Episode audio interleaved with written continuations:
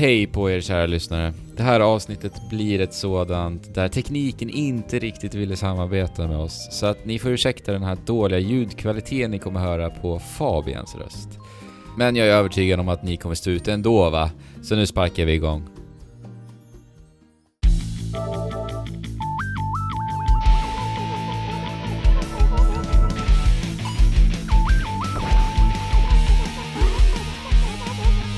Hej och välkomna till Trekraften Podcast avsnitt 116 som presenteras i samarbete med M3.se.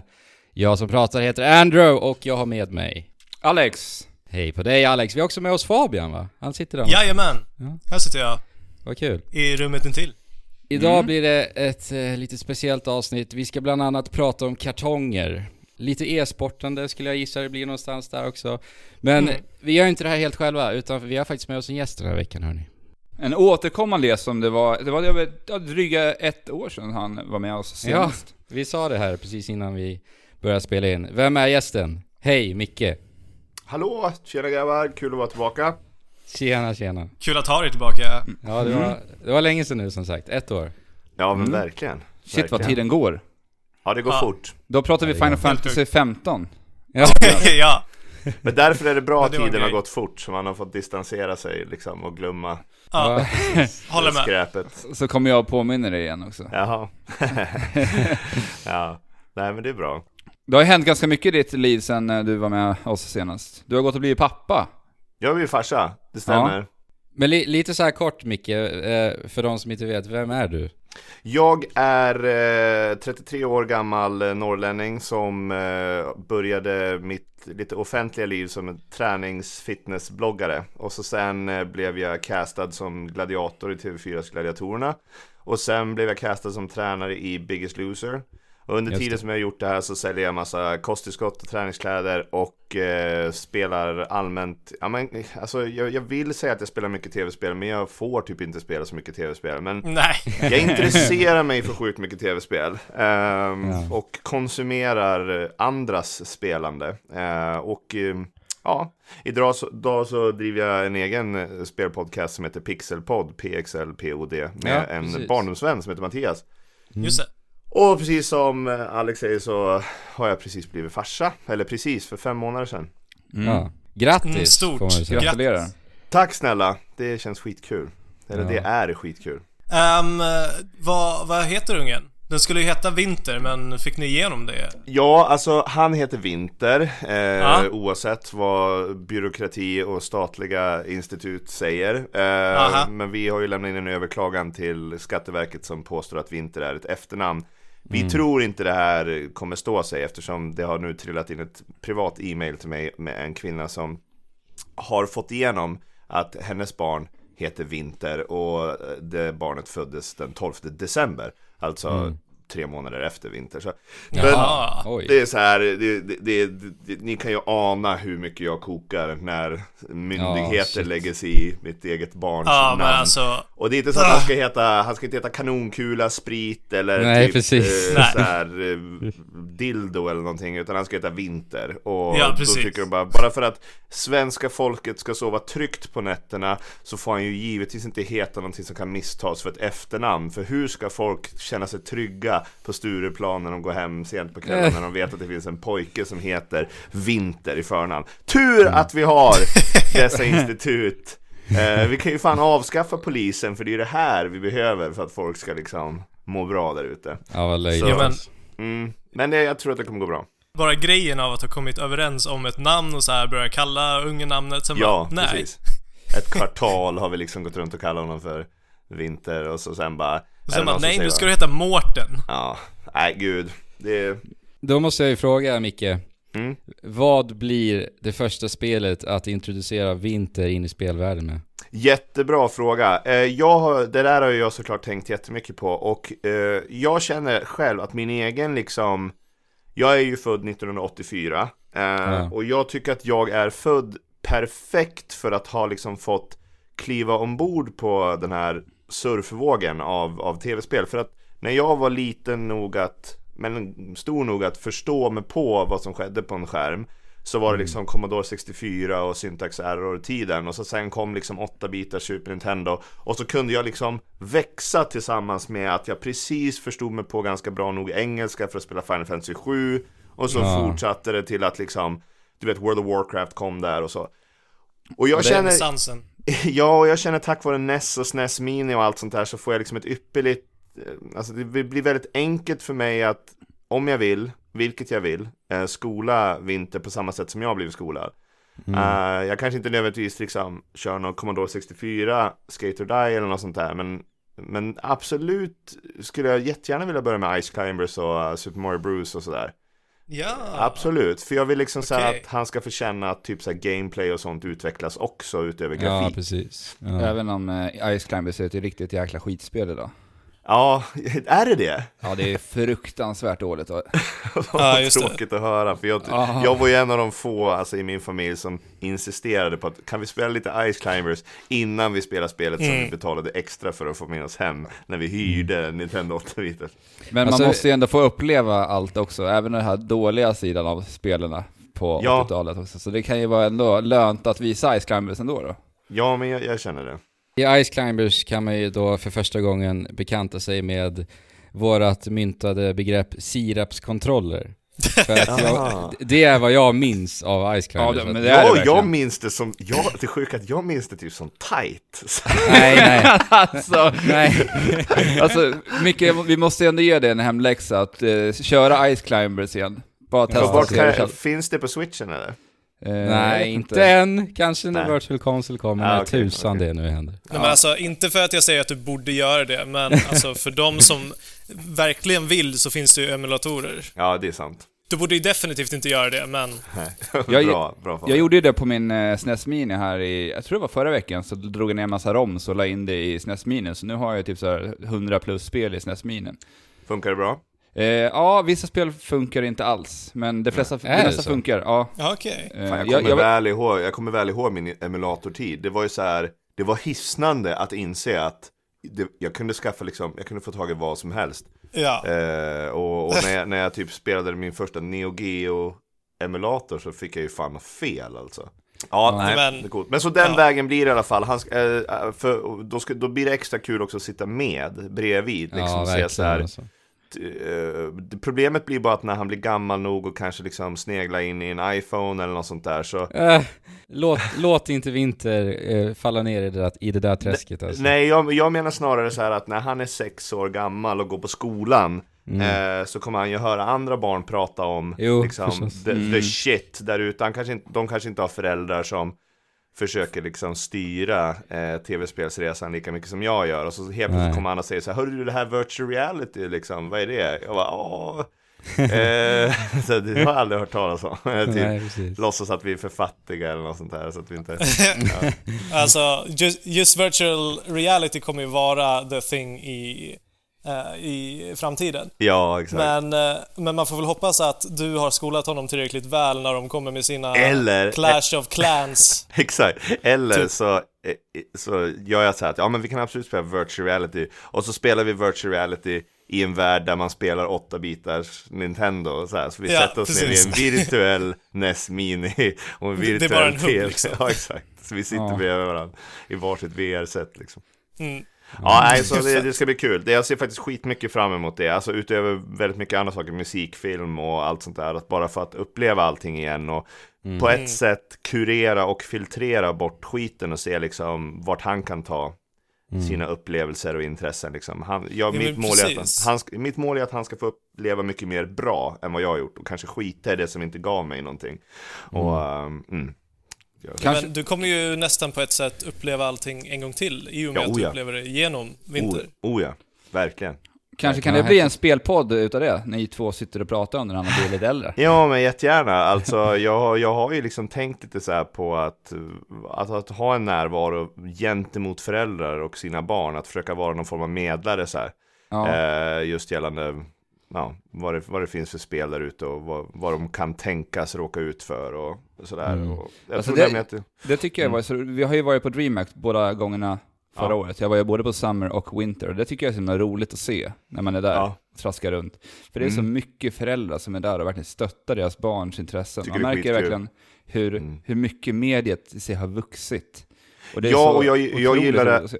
Ja, och jag, jag gillar att se att man mäter barnens glädje mer än vad man mäter vad det är som gör dem glad. Alltså så, så länge det inte är någonting liksom uppriktigt farligt, du vet, drogrelaterat eller någonting sånt. Så, så Ja, liksom har de bara så här, shit vad mitt barn blir glad för det här. Det är banne med det är banne med på tiden att jag verkligen liksom engagerar mig. Jag behöver inte sitta och spela bredvid honom, men att, i alla fall du vet, jag, jag bara varit på det en gång och då var i, ja men det var ju när vi sprang ihop med varandra. Ja, i somras. Ja, Ja, just det. Ja, och då, då liksom la jag märke till liksom hur fint det var på parkeringen där föräldrarna liksom lyfte ut datorstolar och, liksom, och rullade in datorer och allt sånt där. Det var, det, jag fick lite så här. Det här kan låta helt sjukt, men jag fick lite så här Harry Potter-känsla när de släppte tåget. Ja, ja, men det är väl det.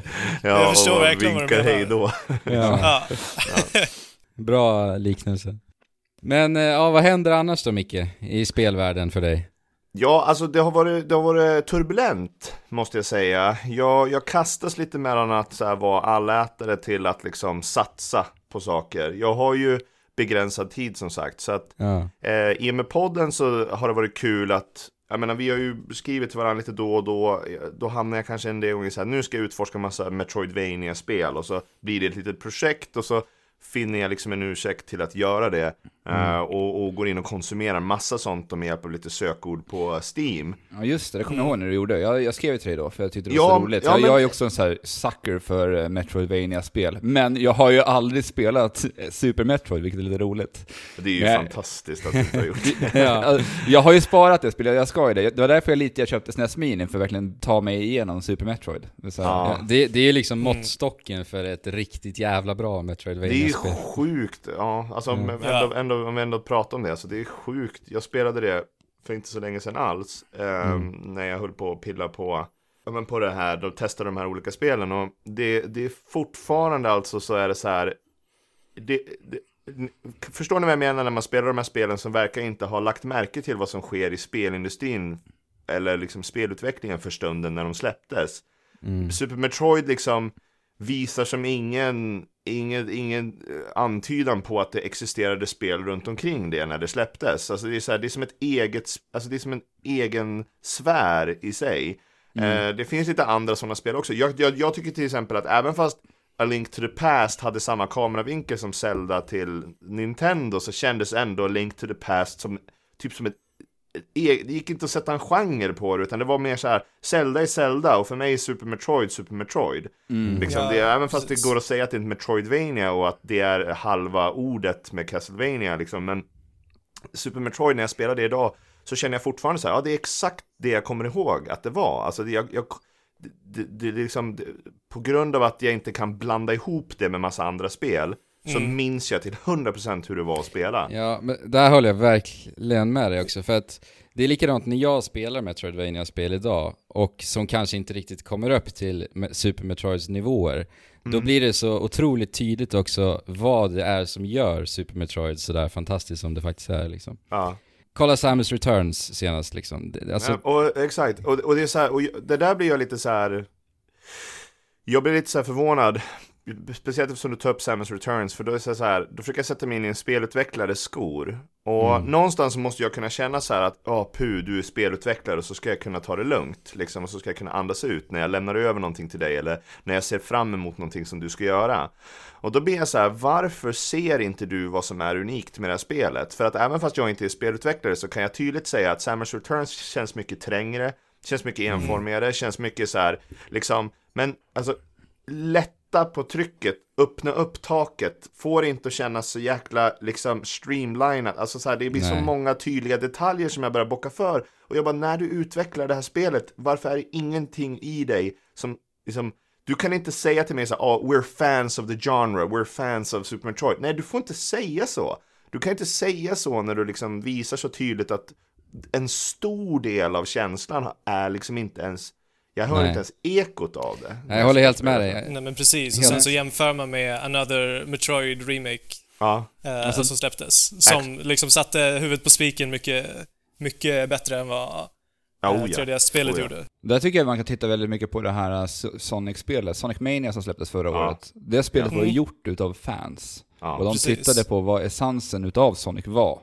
Och de gjorde Sonic så som det skulle ha tolkats som det gjordes Men idag. vet du, vad jag, tr- vet du vad jag tror Alex? Alltså jag tror så jag tror, alltså även fast nu, nu är det bara semantik, jag förstår exakt vad du menar, men det är därför jag gillar att liksom ta upp det, att jag tror inte fans tittar på vad det var som var bra, utan fans vet, de känner vad som var bra, så att när de spelar spelet så bara, nej, det här känns inte rätt, vi måste göra om det. Medan jag tror spelutvecklare och producenter som får ett projekt, ni ska göra det här, de tittar på spel, för de måste vara så här effektiva. De bara, okej, vad var Sonic? Och så börjar de liksom spalta upp det i något jävla Excel-dokument som de sen kan bocka för. Bara, ja, Sonic Så hade... försvinner själen liksom. Exakt, Sonic hade åtta banor och de hade tre bossar och Ja. det var en undervattensbana. Så började de bocka för liksom. Jo visst, på papper så har ni gjort det som liksom gamla Sonic-spelen hade. Men har ni spelat spelet medan ni utvecklar det liksom? Alltså, det är ju inte Sonic. Alltså, så här, alltså nu menar jag inte Mania, vilket är Nej. tvärtom. Där Ja. är det ju verkligen Sonic. Ehm, och jag tror att man måste, man måste verkligen älska, eller eh, speciellt när man liksom satsar och göra liksom en remake, eller när man ska återuppliva någonting. Om du inte älskade det spelet, om du inte har liksom tusen timmar i det, Fuck alltså, du, du, då får du fan steppa undan. Jag tycker liksom vissa, speciellt Segas fucking Sonic. Ja. Ja, ja, nej. Ja, det är ett, det är ett jättebra exempel på det som vi pratar om lite grann. Hur de har Mm. behandlat Sonic genom alla de här åren. Oh, ja. Han har ju blivit så fruktansvärt misshandlad alltså. Oh, Sen, gäll, sen gäller det ju förstås att eh, hitta en balansgång mellan att ändå göra nyskapande saker med, med kära spelserier som man ska fortsätta med förstås. Ja, alltså det, det tittar mig på det här spelet som jag pratade om förra veckan, Blossom Tales som jag spelade på switchen där. Det var ju, Mm. det var ju så här fans utav eh, Link to the Past. Men Mm. de gjorde ju Link to the Past på sin tolkning, vilket, Mm. och sen, sen var det inte mer, vilket är jävligt tråkigt. Där hade man ju velat ha Mm. ännu mera, det här som vi pratar om lite grann. Ja, oh, ja. Jo. Ja. Nej men så, så, så, men i alla fall så, så, jag har spelat jättemycket olika spel och i alla fall för att vara jag, för jag fastnar oftast för spel. Och så sen så här, okej nu vill jag se hur bra jag kan bli på det här. Jag tror liksom det här träningsmentaliteten kommer in i det hela, liksom att hur kan jag liksom, alltså, Optimera dig ja, ända in till det sista. Exakt, och jag kände som i League of Legends också, alltså jag fastnade ju lite i det. Eh, men sen är jag jävligt kritisk liksom till spel, och League of Legends, om jag ska ta det som exempel, det började spela, vi, vi drog igång lite turneringar och sånt här, och det blev en mer sån community-grej som var kul att göra. Jäkligt fast- kul grej. Ja, det var skitroligt och jag fastnade liksom mer i casting-delen och jag tyckte liksom det var kul i sig, men jag hade, sen hade inte jag någon tid över till att bli bättre på spelet. Nej. Och utvecklas inte jag inom ett spel som är competitive, då vill inte jag fortsätta spela det, liksom, utan jag vill känna att det sker förbättring. För mig är det inte kul liksom så här att om jag börjar på 20% träffsäkerhet så är det inte kul att efter ett, ett år senare så har jag fortfarande 20% träffsäkerhet med vapnet jag använder i spelet eller whatever. Utan Nej, precis. Det där Ja, för då låter känner- exakt som dig Andrew. Ja, det är till 100% Ja, som mig. vi, vi hamnade i den där snack, det där snacket igår faktiskt. Ja. Ja, men det, men det känns så att ett single player-spel är inte liksom samma sak, för då, då finns det liksom så här. jag kan inte falla neråt i progressionen då. I Witcher 3 Nej. så lägger jag in en timme så kommer jag ha liksom samlat ihop visst mycket material extra. Om jag lägger en timme till i Minecraft så kommer jag ha grävt visst Mm. mycket mer och de Ja, groparna precis. fylls inte igen och mer. Men om jag, om jag liksom står still i Overwatch så då tappar jag mitt sikte, liksom min träffsäkerhet och i League of Legends liksom så släpps det hela tiden nya champions som jag måste hålla koll på vad kan de göra så att jag inte springer in och gör bort mig. Och då kände jag så här att en League of, en League of Legends match har liksom 40 minuter och innan det så kan det ta 10 minuter att komma igång. Liksom Ja. folk ska välja och de ska banna och allt så här. Och jag bara det här är inte kul, det här ska inte behöva ta så här lång tid. Jag har ingenting emot nödvändigtvis att matchen är 40 minuter lång, men i matchen sen så är det för mycket tid där dina skick, din skicklighet eller dina skills inte tränas, om ni förstår vad jag menar. Alltså, jag bara såhär, ja nu, nu, gå här, stå här nu i tre minuter tills matchen börjar, och stå här i en minut till, och om två minuter då kan ni egentligen börja slåss. Och om tre minuter till så har du nått, nått level 6 och då har du fått din ultimate och då och det är så här för mycket fucking väntetid. Du vill ha action? jämför, ja, och då jämför jag det till exempel med Overwatch som liksom så här, där dör jag och så får jag en chans till att förbättra mig. Och så dör jag och så får jag en chans till att korrigera mitt förra misstag. Att, ah, snipern stod där uppe, då kommer jag inte springa dit igen. Eller Junkratten stod där, då, då skjuter jag honom först. Eller du vet, jag måste få ihjäl deras Mercy. Medan i League of Legends så dör jag, de bara okej, okay, vänta 60 sekunder, sen får du springa tillbaka till din lane och bara för att hitta någonting att göra. Alltså, ja, alltså jag tror att det ja. där är anledningen till varför jag aldrig har eh, fastnat för ett Moba-spel. Mm. Alltså jag har försökt flera, flera gånger, mm. men det, det, är bara så träligt. Ja, men jag, liksom. håller, jag håller med dig, och, och, det som är störigt för mig, det är liksom så här att jag älskar verkligen hur hur League of Legends liksom mysticism är med alla champions och allting. Jag skulle vilja vara skitbra på det, jag skulle mm. verkligen det. Men jag, jag måste erkänna att för mig själv att jag har inte tid. Um, så att det, jag har hoppat lite med det. Sen har vi gjort lite, sen har vi spelat lite World of Warcraft på privat server, liksom försöka återleva eh, den gamla nostalgin och jag har spelat skräckspel och allt sånt. Och så sen, det största som har hänt är att jag har köpt en Switch. Mm, ja, just det. Förklara. Jo, eh, vad fan, vad, vad, var det som fick mig att köpa en Switch? För det skedde nämligen ganska spontant när jag väl åkte iväg och köpte den. Ja. Jag var på väg till kontoret och jag bara, nej, jag stannar fan på uh, Teknikmagasinet, eller på GameStop eller vad fan det heter, och köper en Switch. Ja.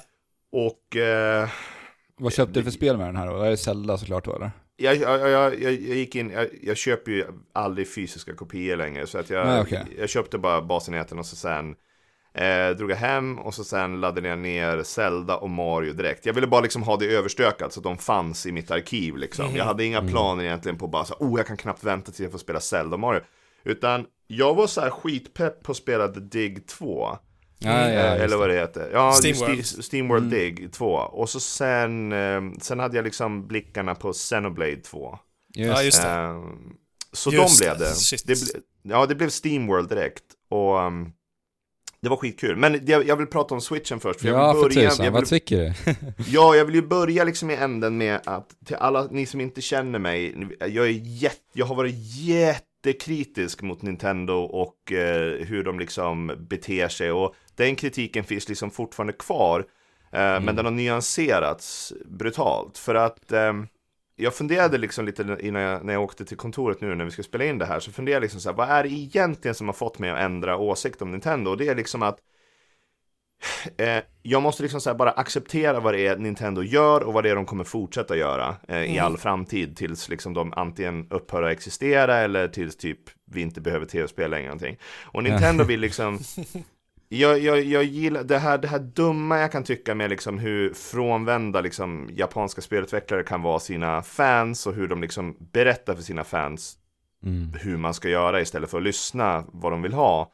Eh, en del gånger så liksom, eller många gånger så blir det jävligt dåligt tycker jag. Det kan bli som att du har en diamant som är så jävla bra men så ligger den bara i en pöl av bajs liksom. Och hade de bara liksom brytt sig lite om kanske vi kan erkänna att vi har gjort fel på det här. Då hade de kunnat torka bort det där bajset så hade man bara fått en diamant istället. Mm. Och många, många japanska spel som jag spelar, alltså som är typiskt japanska, har det här. Xenoblade är så till exempel, kan jag ta upp sen när jag pratar om det.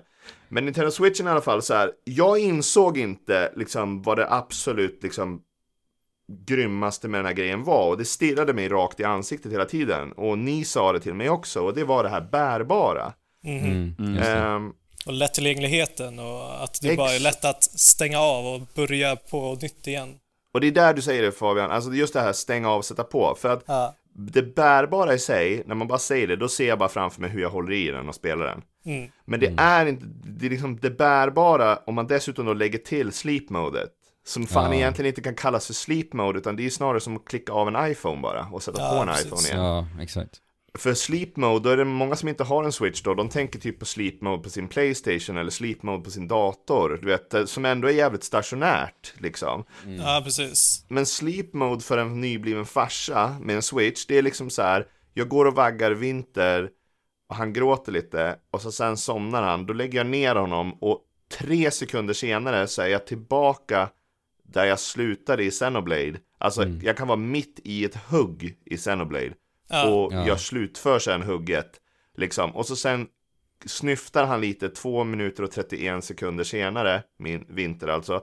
Och då trycker jag bara på den och lägger ifrån mig den. Och jag behöver aldrig oroa mig, jag behöver inte trycka på stopp eller start eller någonting, utan jag bara lägger undan den. Mm. Och den kan ligga där sen, liksom, i en, två veckor. Och jag kan liksom plocka upp det sen och så bara, ja ah, just det, jag var här.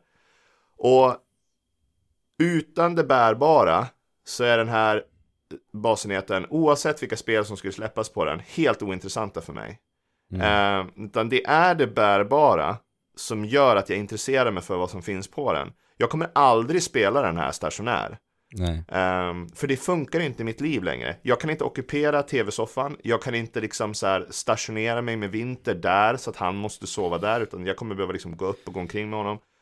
Och det faktum att jag liksom kan spela Zelda, Mario och uh, så här bärbart. Det, det i början, de första veckan var jag tvungen att nypa mig själv i armen lite medan jag spelade så här Xenoblade och väldigt mm. krävande spel. Och jag bara, fuck, det är helt sjukt ja. att jag kan spela Men det, ja. det känns ju som science fiction i början alltså. Det, det är liksom Det var verkligen så, det var verkligen så. Jag, jag sa till mina vänner bara, det här är framtiden sa jag. Det här, nu, liksom, det, jag menar inte att framtiden bör bestå av bara det här. Nej. Men så här ska det kännas. Liksom, det här var vad jag behövde få känna för att känna att jag levde 2017. Liksom. Ja, men det, det som är så mm, kul med switchen, för den är ju verkligen så rätt i tiden, så som vi lever idag. Vi är vana att ha tekniken verkligen. i fickan hela mm. tiden. Mm. Så jag menar, varför verkligen. ska vi ha tv-apparater idag egentligen? Alltså vi, jag, jag, jag tror vi rör oss mot en tid utan tv-apparater, sakta men säkert nu.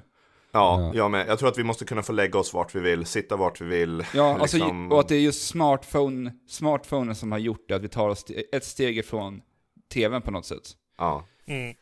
Ja, nej, och, och, och, jag känner liksom så här att det finns, det finns tid och plats för allting. Det finns fortfarande spel som jag absolut inte vill spela på Switch. Um, mm. jag, kommer aldrig, jag kommer aldrig vilja spela first person men, shooters. Jag nej, kommer aldrig, uh, utan för där är liksom, jag vill ha mus och tangentbord för jag vill kunna känna att jag begränsas av min egen förmåga, inte av kontrollerna jag har. Mm. Och, um, men däremot så är som, jag tror det var Andrew som jag pratade med om, jag kommer ju aldrig spela ett indiespel. Och nu är det ganska en bred, ett brett begrepp. Det kan ju vara first person shooter-spel som ett indiespel. Men om vi tänker oss de typiska retro, liksom side-scrolling mm. eller ja, Animal Crossing. Ja, exakt.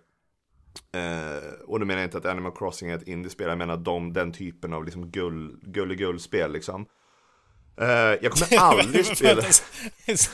Säger du att indiespel är gulligullspel?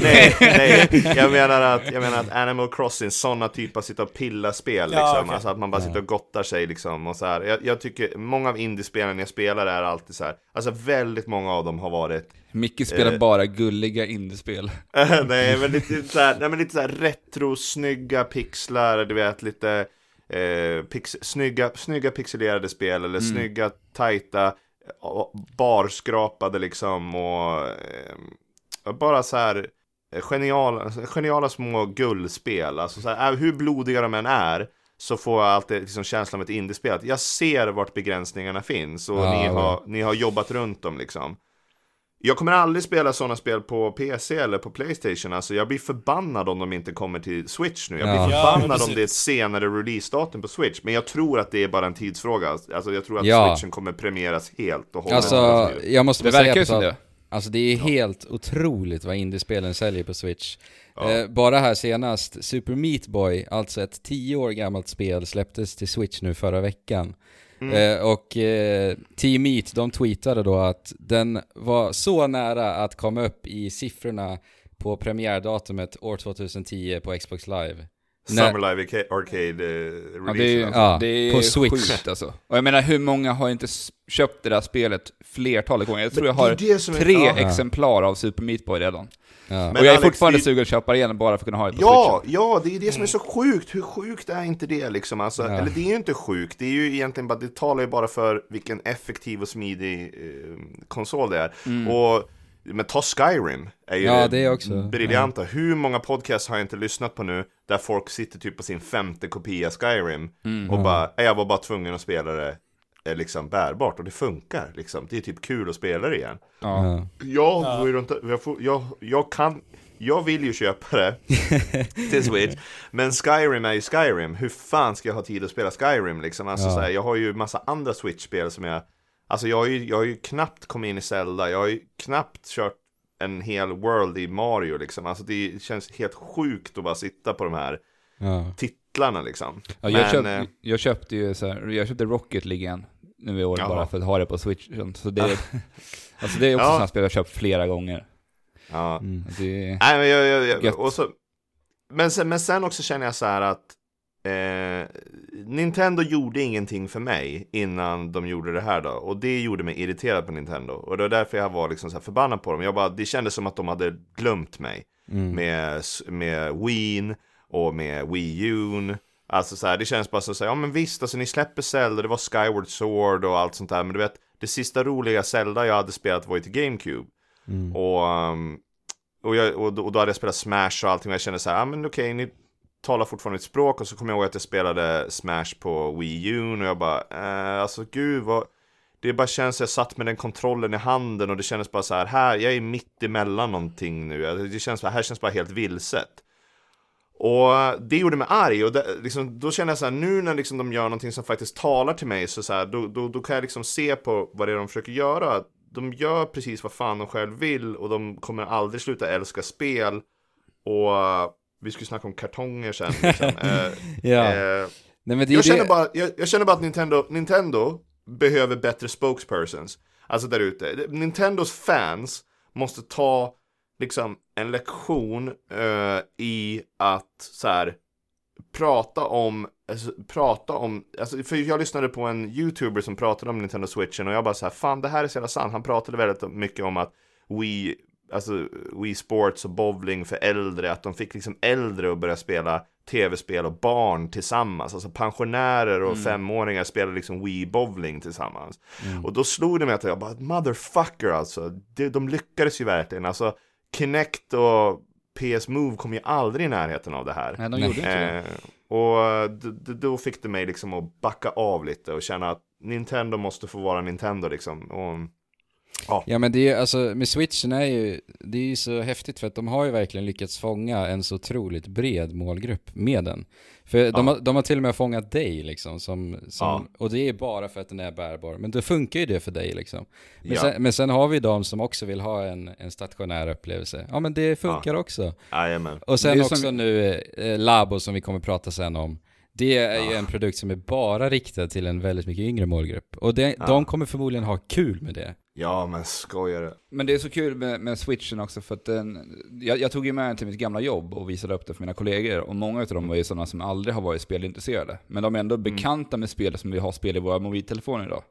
Mm. Men även de vart ju liksom så intresserade av switchen. Som, och ja. köpa till och med, som, och, och ha den och jag börja ge sig in i spel.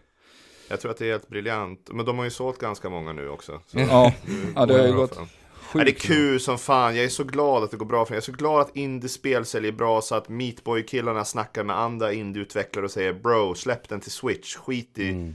prioritera inte Steam liksom det första du gör, utan få ut den på Switch. För att jag blir, jag har ju, jag har ju skrivit en lista alltså med indiespel som jag bara ska hugga omedelbart liksom. Ja, mm. Och vissa av, dem, ja, men vissa av dem finns på Steam redan eller kommer på Steam först. Och jag blir så jävla lack. Ja. Jag blir så triggad. ja, men... så, vad, vad, tänker du med liksom? Switch har inte ens funnit ut ett år. Så att alltså, indieutvecklarna förstår ju det här. Och det, ja. det är tydligt att de gör det. Ja, men det, det är anledningen till att jag inte har spelat Hollow Knighten. Det har jag berättat ja. för dig Micke. Så. Ja, just det. Just det. Ja, det, Ja, men jag förstår, jag förstår verkligen. Ja. Alltså, så, jag, tror, vet, jag tror att det är, det är mitt spelår. Sen är det bara allmänna intressen för allt som har skett runt omkring. Du vet, det har varit nytt Blizzcon, det har... Eh, och det absolut färskaste, det, liksom, det var att jag bara borrade ner huvudet i Overwatch igen. Jag tog, alltså min, min, mitt absoluta liksom kärleksspel. För jag körde placements tillsammans med mitt community där på Pixelpod och vi drog tio raka förluster. och, eh, och jag bara säger, säger, ni vet vilka ni är som spelar med mig, alltså jag tar fan inte på mig de där Nej. tio förlusterna. De, de, de, som lyssnade på senaste avsnittet när du var med Micke, då pratade ja. vi om, om just ditt temperament ja. när du spelade. Ja, just det, det gjorde vi ja. ja. Och det finns kvar, Andrew. eh, men när jag spelar tillsammans med andra människor så får jag liksom tygla det här och det får mig att må fysiskt illa. Det får mig att må fysiskt illa när jag spelar med folk som jag bara skulle vilja så här, jag skulle bara vilja slå dem. Alltså så här. och för att de är sjukt jävla trevliga, eh, kompetenta människor i övrigt. Och jag är inte bättre än dem heller. Men så då fattade jag beslut. Jag, blev typ, jag fick typ 1500 rating och typ en rating senare så var jag silver. Och då sa jag bara till alla så här, kolla nu, nu ska jag solo-grinda mig upp till en rank som jag aldrig har varit, jag ska upp till Platinum. Så um, 11 dagar senare, det vill säga igår, så krossade jag Platinum-gränsen. Det är sant? Ah, och soloköat mig dit bara. Oh, jäklar. Grattis! För Grattis! Det förtjänar ja. nästan en applåd där tycker jag. Ja, för ja, men, ja, men en applåd. Ja, tack. Alltså jag ska, jag ska upp till Diamond nu då, det är det som jag har sagt. Jag, bara, jag, jag svär att jag klarar Diamond helt själv. Och, så jag får sitta liksom i min stream och bara neka folk som ska, vill spela tillsammans. Jag Vem bara, är det du spelar nu? jag spelar själv. Bara. Ja, men eh, vilken karaktär? Jaha, eh, först gick är jag det in Hogg så här. fortfarande? För det vet jag det var Ja, förra det var, året. jag var ju Hogg, sen blev ju han eh, omdesignad lite och gjorde mindre skada och jag var ju jättegrinig. Och det var ju Mm. då jag gav upp på Overwatch också. Ja, ja. Så det var fyra säsonger sedan tror jag. Eh, så nu gick jag in och sa så här, nu ska jag bara, nu ska jag, eftersom jag är nere på botten, eh, så ska jag lära mig spela mycket fler karaktärer. Jag ska börja flexa som det heter, det vill säga fylla dem. Men då insåg jag ju liksom att jag, jag är en, en roamer, alltså jag springer runt och dödar. Jag måste få springa runt och döda, jag måste få avvika från mitt lags strategi och överraska folk och allt sånt där. Speciellt Eh. när man spelar solo kanske. Ja, verkligen. Och det var ju så jag spelade med Roadhog, liksom. Jag sprang Ja. upp och flankade och ryckte in Mercies och slaktade deras support och så här. Och, ehm, så jag började spela Soldier. eh, När jag insåg att jag kan inte hålla på och fylla. För om jag fyller Mercy, hur bra jag än spelar, om, om våran Soldier är vindögd och inte kan träffa en jävla ladugårdsvägg. Spelar ingen roll hur mycket jag damage boostar och healar honom, vi kommer inte vinna den här matchen liksom. Nej, Och det gör mig ursinnig.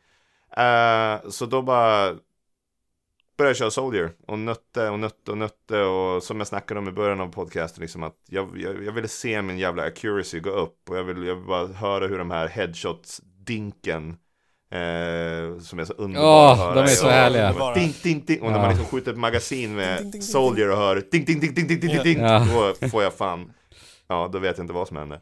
Ja. Ehm, så det har varit Soldier, alltså jag bara Mm. fucking smälter folk med min Soldier nu och det är så jävla kul alltså. Men det där roligt. spelet boys, det där spelet, förlåt att jag bara öser på här som ett jävla monopol. Men, men det där spelet, ja vi har pratat om det en hel episod, men det är sånt jävla mästerverk. Ja. Alltså det, det är så här, om man gillar art, om man gillar ljud och om man gillar bara gameplay, balans och animationer. Ja, Blizzard måste ha tagit alla där ute som finns i spelindustrin, alltså för att jag, jag häpnas fortfarande över hur jävla tight det där spelet är. Ja, det är Och speciellt när man Speciellt när du går mellan så här PubG eller Call of Duty och så tillbaka till Overwatch, du bara vad är, vad är vad händer i folks Ja. motorer? Vad gör ni för någonting? Vad håller ni på med? Det är det här som är spelkänsla, på riktigt. Det är så sjukt alltså. Ja, nej, fantastiskt. Så där, det, Men- det är väl Men en fråga, hur mycket Mm. SR krävs det för att komma till Diamond? För det är väl 2 5 platser? 3000. Ja, det är 3000. okej. Ja, men det Mm. klarar du ju för tusen.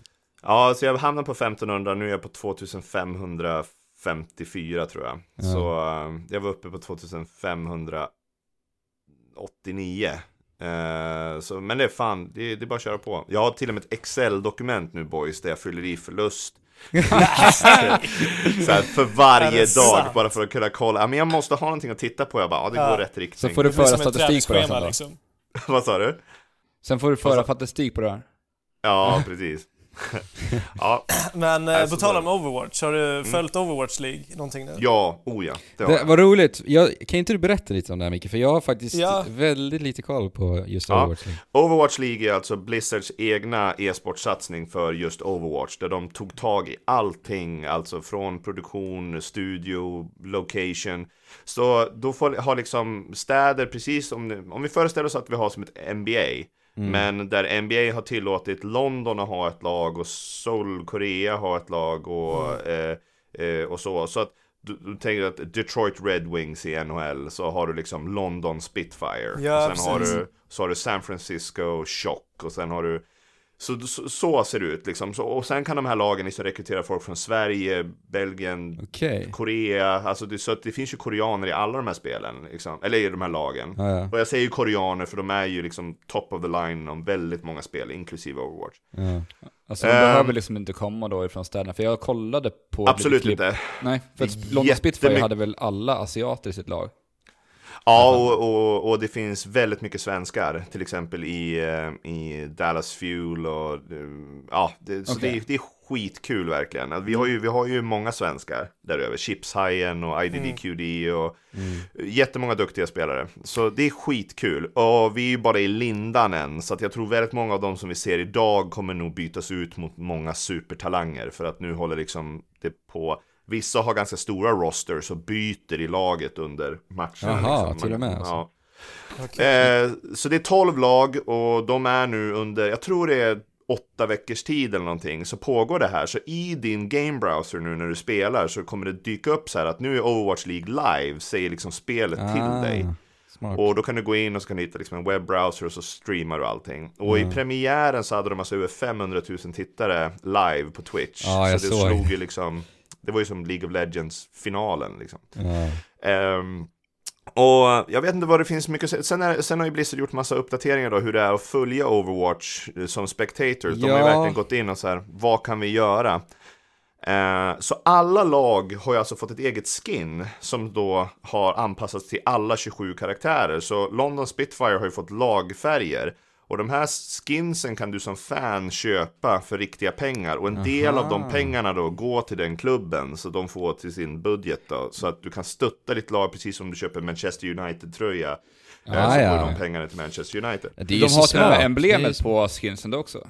Ja, ja, oh, ja. Det är, alla har emblem och det är skitsnygga färger och de har hemma och borta färg också. Så att det är, det är otroligt många skins som finns i spelet nu. Ja, smart. Och, ja, det är, det är ju konstigt, det är konstigt att ingen har testat på det här tidigare. Jag menar, det är uppenbarligen ett vinnande koncept eftersom mm. typ alla sporter nyttjar sig ja. av det här. Varför skulle inte e-sporten också göra det? Ja. Jag, tror, jag tror att de absolut populäraste spelen liksom så är, det så, är gubbarna så små eh, så att det blir liksom så här, det uppskattas inte lika mycket. Nej, Men Overwatch precis. funkar det verkligen för de är så jävla stora och grandiosa karaktärerna och men sen är det ju Blizzard. Alltså Blizzard mm. kommer ju allt, när de ger sig in i någonting och verkligen satsar, då kollar de ju på detaljer. Hur kan vi liksom göra det här mm. ännu bättre? Och då är det så att spela till exempel um, Los Angeles mot Dallas. Dallas är mörkblå, Los Angeles är mörkgröna.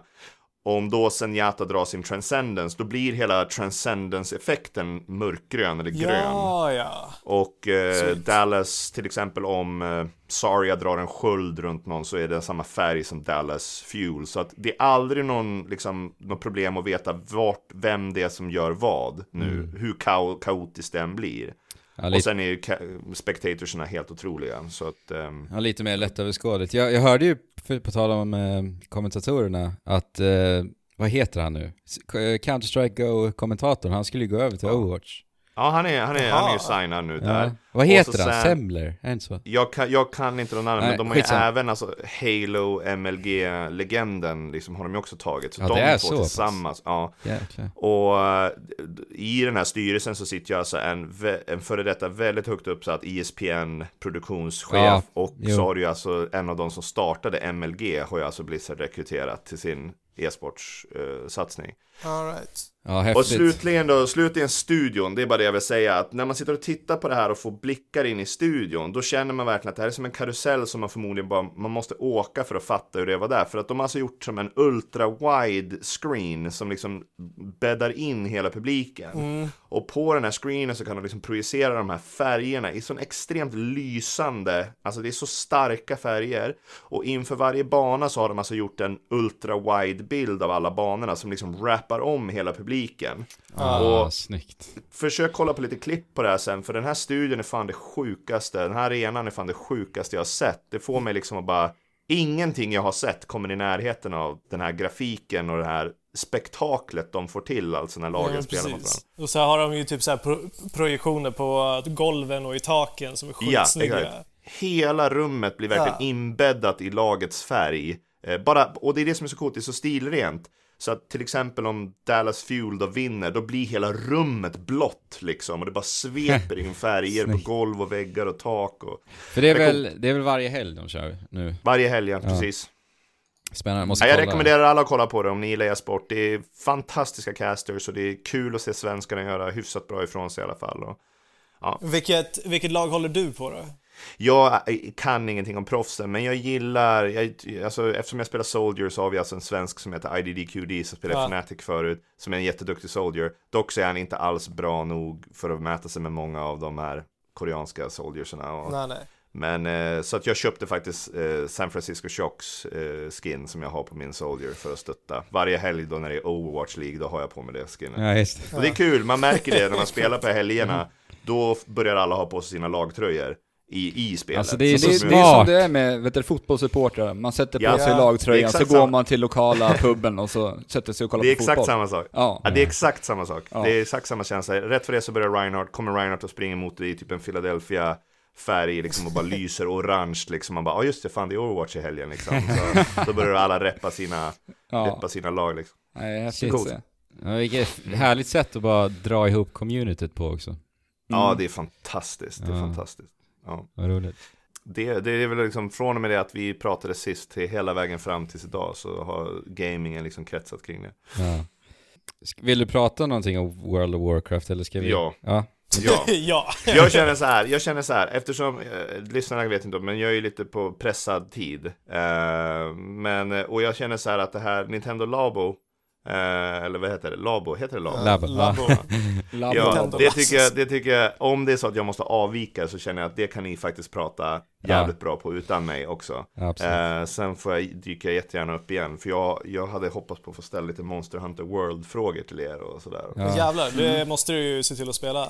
Ja, när det kommer alltså. ja jag kommer ju vänta till PC dock. Jag sa det till, uh. till Andrew att jag vill ju spela sådana här MMO-liknande spel via en dator. Ja, men jag skulle ju också helst spela på PC, men nu när det tar så jävla lång tid, jag fattar Ja, det är helt sjukt. Vi har ju faktiskt dragit igång en liten poddserie just om Monster Hunter.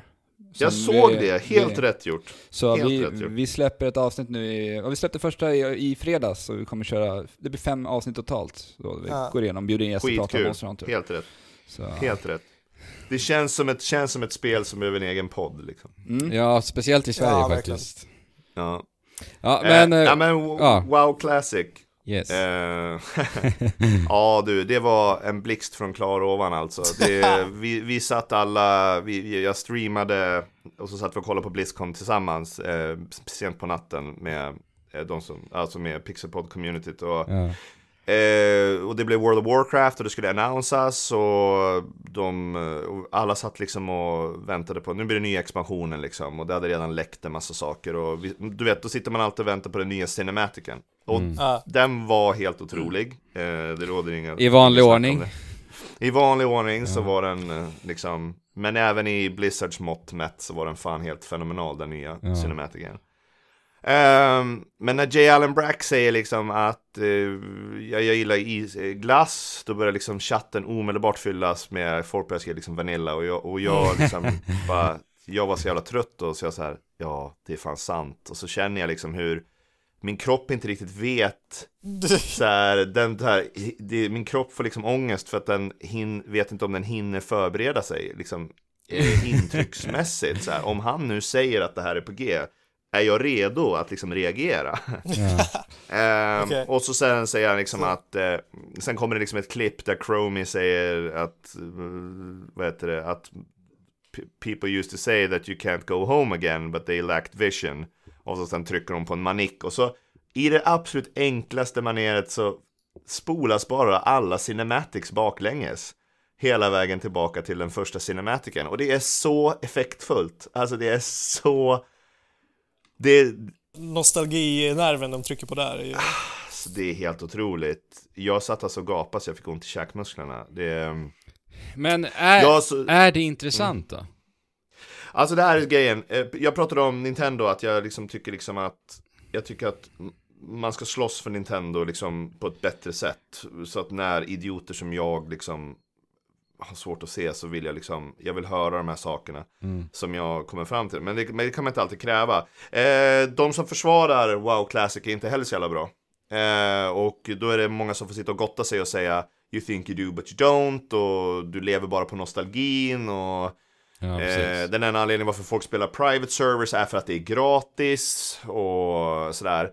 Och det som gör mig så jävla ledsen är att man har inte insett vad det är som har skett i World of Warcraft. Man har inte insett liksom, man, många la inte märke till vad det var som rycktes ur World of Warcraft helt plötsligt. Och sen har man bara famlat efter, man bara, det här som vi pratade om i början, det här att med Sonic och allting, man känner, man vet så tydligt vad coren är, vart ryggmärgen i designen är. Istället för att titta bara, ja, är det mycket folk i världen? Ja, bra. Kan man döda monster? Ja, check. Kan man döda stora monster tillsammans? Ja, check. Eh, får man loot? Ja, check. Bra! Då har vi tydligen gjort World of Warcraft igen. Då kan mm. alla gå hem.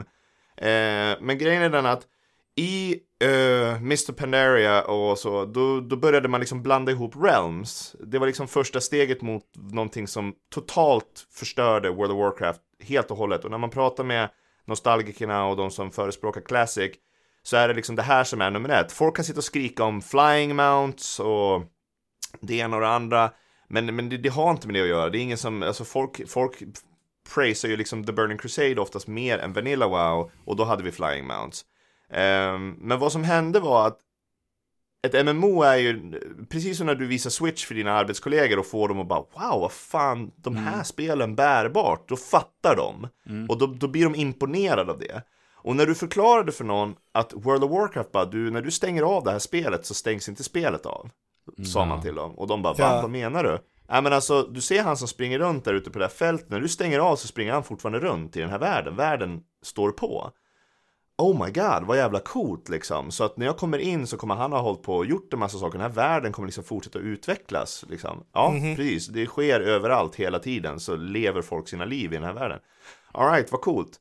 Eh, sen började alltså Blizzard så här att, och de försvarade det med att, ni vet när man springer i Westfall och det är ganska få människor där. Nu har vi gjort så att, nu kommer det trilla in folk från andra realms helt plötsligt för att liksom befolka din värld. Bra va? Säger de. Mm.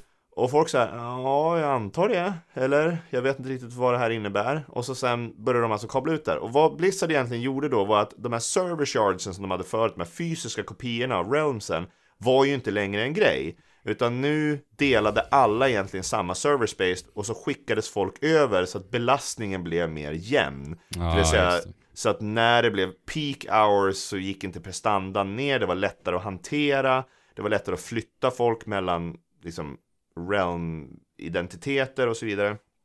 Och vad som hände på grund av det här, det var att när du springer in i Stormwind och eh, så rätt för det så står det en Night Elf där som du aldrig har sett förut. Bara, vem fan är det här? Liksom, den här? Det här är min värld, mitt, mitt World of Warcraft. Jag känner inte igen den här Night Elf Female Warriorn här. Ha, har du transferat hit eller? Nej, det har hon inte gjort, utan för vid hennes namn så står dessutom servern hon kommer ifrån. Ja, men just det. vänta ja. nu, liksom. Okej, okay, men jag tar och loggar ut i alla fall, för jag vill inte, jag känner inte för att spela nu, så kommer jag in igen och så bara, vart är hon nu då? Hon var ju här alldeles nyss. Men här står en dvärg som jag inte sett förut, han kommer från en annan realm. Men vart är hon då? Är inte hon online längre? Jo, hon är fortfarande online. Men nu har World of Warcraft bestämt sig för att inte visa henne mitt framför dig. Hon är fortfarande utanför banken, men hon är utanför banken i ett annat universum nu. Aha. Och uh, dina polare som är på samma realm, de kan absolut stå bredvid dig. Uh, en del gånger. Om de inte är inbjudna till en grupp med folk som hör till en annan realm, då kommer inte du kunna se din vän när ni springer runt ute på fälten där ute. För han är i ett annat universum. Och vad som händer här nu då, det är att den här persistent worlden som du alltid kan komma tillbaka till, där du är nyfiken på att se hur går det för det bästa gildet, hur, hur ser stan ut idag? Kommer jag se dvärgen, tanken i det där bästa gildet stå där? med yxan och skölden och allting och vad han fått för loot idag liksom. Varenda gång du loggar in nu så är banken helt överfylld med stora mounts som står och trängs från 5, 6, 7 olika realms och eh, ingen hör ihop med den andra och det finns ingen persistent world överhuvudtaget. Nej, och, men alltså det, där uppskattar jag verkligen. Uh, mm. Att, att de, de liksom har förstört hela immersionen på det mm. sättet. Men det som jag är skeptisk till med Vanilla WoW är liksom, det är det tidlöst på samma sätt som vi snackar att Super Metroid är tidlöst. Har mm. det inte föråldrats World, hela World liksom, grundmekaniken ja. i det. Vi pratade ju lite tidigare om att jag skulle hoppa in som aldrig någonsin har spelat World of Warcraft för att se ifall ja. jag ja, det är kan intressant. Få Men jag, det jättekul. Jag tror vi lovade uh, det Alex, du och jag. Är det så? ja, ja alltså jag, jag har ju fått en hemläxa från skolan att spela World of Warcraft också, för han varit lite upprörd på mig när jag sa att jag aldrig ja. har rört WoW. För, för, grejen är så här, jag håller med. Eh, för grejen är så här att World of Warcraft på sin tid var inte gameplaymässigt bra heller. Nej. Alltså det, det var fine. Man, man visste att ja, det är inte gameplayet som gör att jag spelar det här. Jag spenderade så många timmar bara av att stå i Ironforge och prata med folk. Att planera inför en raid som spelmekaniskt inte var så jävla super banbrytande. Alltså God of War fanns ju fortfarande och jag kunde spela Zelda och jag kunde spela massa single player-spel och Gears of War och allt sånt. Jag kunde spela liksom sådana spel och de var liksom det var ju tydligt att det var skillnad på gameplay och gameplay. Men World of Warcraft hade en levande värld som utvecklades liksom på sitt sätt, helt frånskild alla andra världar som fick utvecklas på sitt sätt. Och de här världarna gick liksom, gränsade inte varandra. Och sen då kan du lägga till dumma saker som transmogrification som jag fucking hatar. Där du alltså, du tar det grymmaste svärdet som finns i hela världen men så får du det att se ut som ett level 10-svärd istället. Ja. Bara för att du tycker att det får din karaktär att se lite roligare ut. Mm. Men grejen är att jag skiter i hur du tycker att din karaktär ska se ut. Jag vill kunna se om hur bra du är. Har du dödat den svåraste draken i spelet så vill jag att min värld ska representera det. Ja, och tittar man på de gamla development videosna när Jeff Kaplan som är game director för Overwatch nu, Go Figure, när han fortfarande var liksom oh, uh, World of Warcraft, då sa han så här. Uh, unbeaten content makes a world feel bigger. Ja. Uh, mm. Och du behöver, han sa tydligt, det spelar ingen roll om väldigt få kan spela det svåraste contenten. För de som inte kan spela den njuter indirekt av att få leva i en värld där det finns content som är för svårt för dem. Ja. Men att det också finns folk som dödar det contentet som de kan stå och titta på. Det skapar en realistisk levande värld ja. som innehåller mer än mål som alla ska kunna uppnå. Ja, mm. alltså, är vad är det för värld? Vad är det för värld där alla dödar den svåraste bossen som finns varje tisdag utan att ens anstränga sig med totala främlingar, ingen teamwork överhuvudtaget. Alltså, det är så befängt att liksom det är det som det här spelet har blivit. Ja. Och eh, så, om det håller fortfarande, med frågan så här. Eh, ja, alltså, jag vet inte hur många gånger jag har spelat Ocarina of Time. Jag vet inte hur många gånger jag har dödat Ganondorf i Ocarina of Time. Jag vet inte hur många gånger jag spelade Gears of War 1. Jag vet inte hur många gånger jag har startat om God of War 3. Mm. Eh, och Final Fantasy 7. Och Final Fantasy 7, varenda gång jag spelar igenom det så är det 60 timmar liksom jag lägger på det spelet. Mm. Och det är, jag älskar det. Jag älskar det. Så gameplaymässigt är ju det enda jag får ut av de spelen. Gameplaymässigt kommer jag få ut exakt det jag är van med World of Warcraft. Jag kommer, jag kommer liksom kunna gå in i det, jag kommer gnugga på min lilla gubbe där och jag kommer hoppas på den bästa looten fortfarande. Jag kommer döda Baron Rivendare och Ragnaros och allt igen. Och jag kommer göra det med nya vänner, med, med nostalgiker som återigen får springa in i den här världen. Mm. Så, så, det är ingen skillnad på World of Warcraft och andra spel. Att man ens ifrågasätter om World of Warcraft kommer vara kul än idag. Ställ den frågan med de andra spelen du spelar igen. Ja, men det var ju det jag var skeptisk till från första början. Ja. Om det är så tidslöst. För men, många är det säkert det. Och ja, jag ska det... definitivt testa. Ja, det var, det, var, det var det jag menade med att säga liksom att gameplaymässigt så var inte World of Warcraft banbrytande på sin tid. Nej, eh, var... Och gameplaymässigt så har det inte hänt så jävla mycket i World of Warcraft eh, från då till nu. Nej men det är ju eh. lite det jag menar. Jag menar vi har Black Desert som bygger vidare på typ ja, gameplay-moment i en MMO-värld. Ja. Sen, så, sen så att det finns ingen där ute som har lika, lika bra fingertoppskänsla som Blizzard har. Det, det, det tror jag är för att, ja, det tror jag är för att Black Desert, jag har ju spelat Black Desert också, det är för att som vi pratade om, de känner inte vad det var som var bra med spelet. De tror att om vi lägger in, det är mer content du behöver, mm. det är mer mekanik du behöver, du behöver mer saker som du kan skriva på, på CD-fodralet när du säljer det här spelet. Det här spelet har ba, ba, ba, ba, ba, ba, ba, ba, A, B, C, D, E, F, G. Nej, det är inte det. Det är inte det. Se till att skapa en värld som lever. Precis. Det är det, en värld som vi vill befolka. Fokusera på det. Håll inte på och gör massa jävla mekaniksaker som liksom som det vill säga, eh, jag tror jag sa det här förra gången att World of Warcraft back in the days, det var liksom som när man sprang ut i skogen och lekte med sina kompisar. Vi skapade världen och kriget och eh, våra superpowers i våra egna huvuden. Mm. Det nya World of Warcraft, då har det någon som har gått ut och sagt så här, nej, ta det här lekarna ni gör ute i skogen nu, kläm in er i den här gymnastiksalen, använd de här vapnena och här är spelreglerna. Så gör han så här mot dig så får du så här mycket poäng och allting. Och helt plötsligt så börjar man bestämma för de här barnen hur leken ska lekas.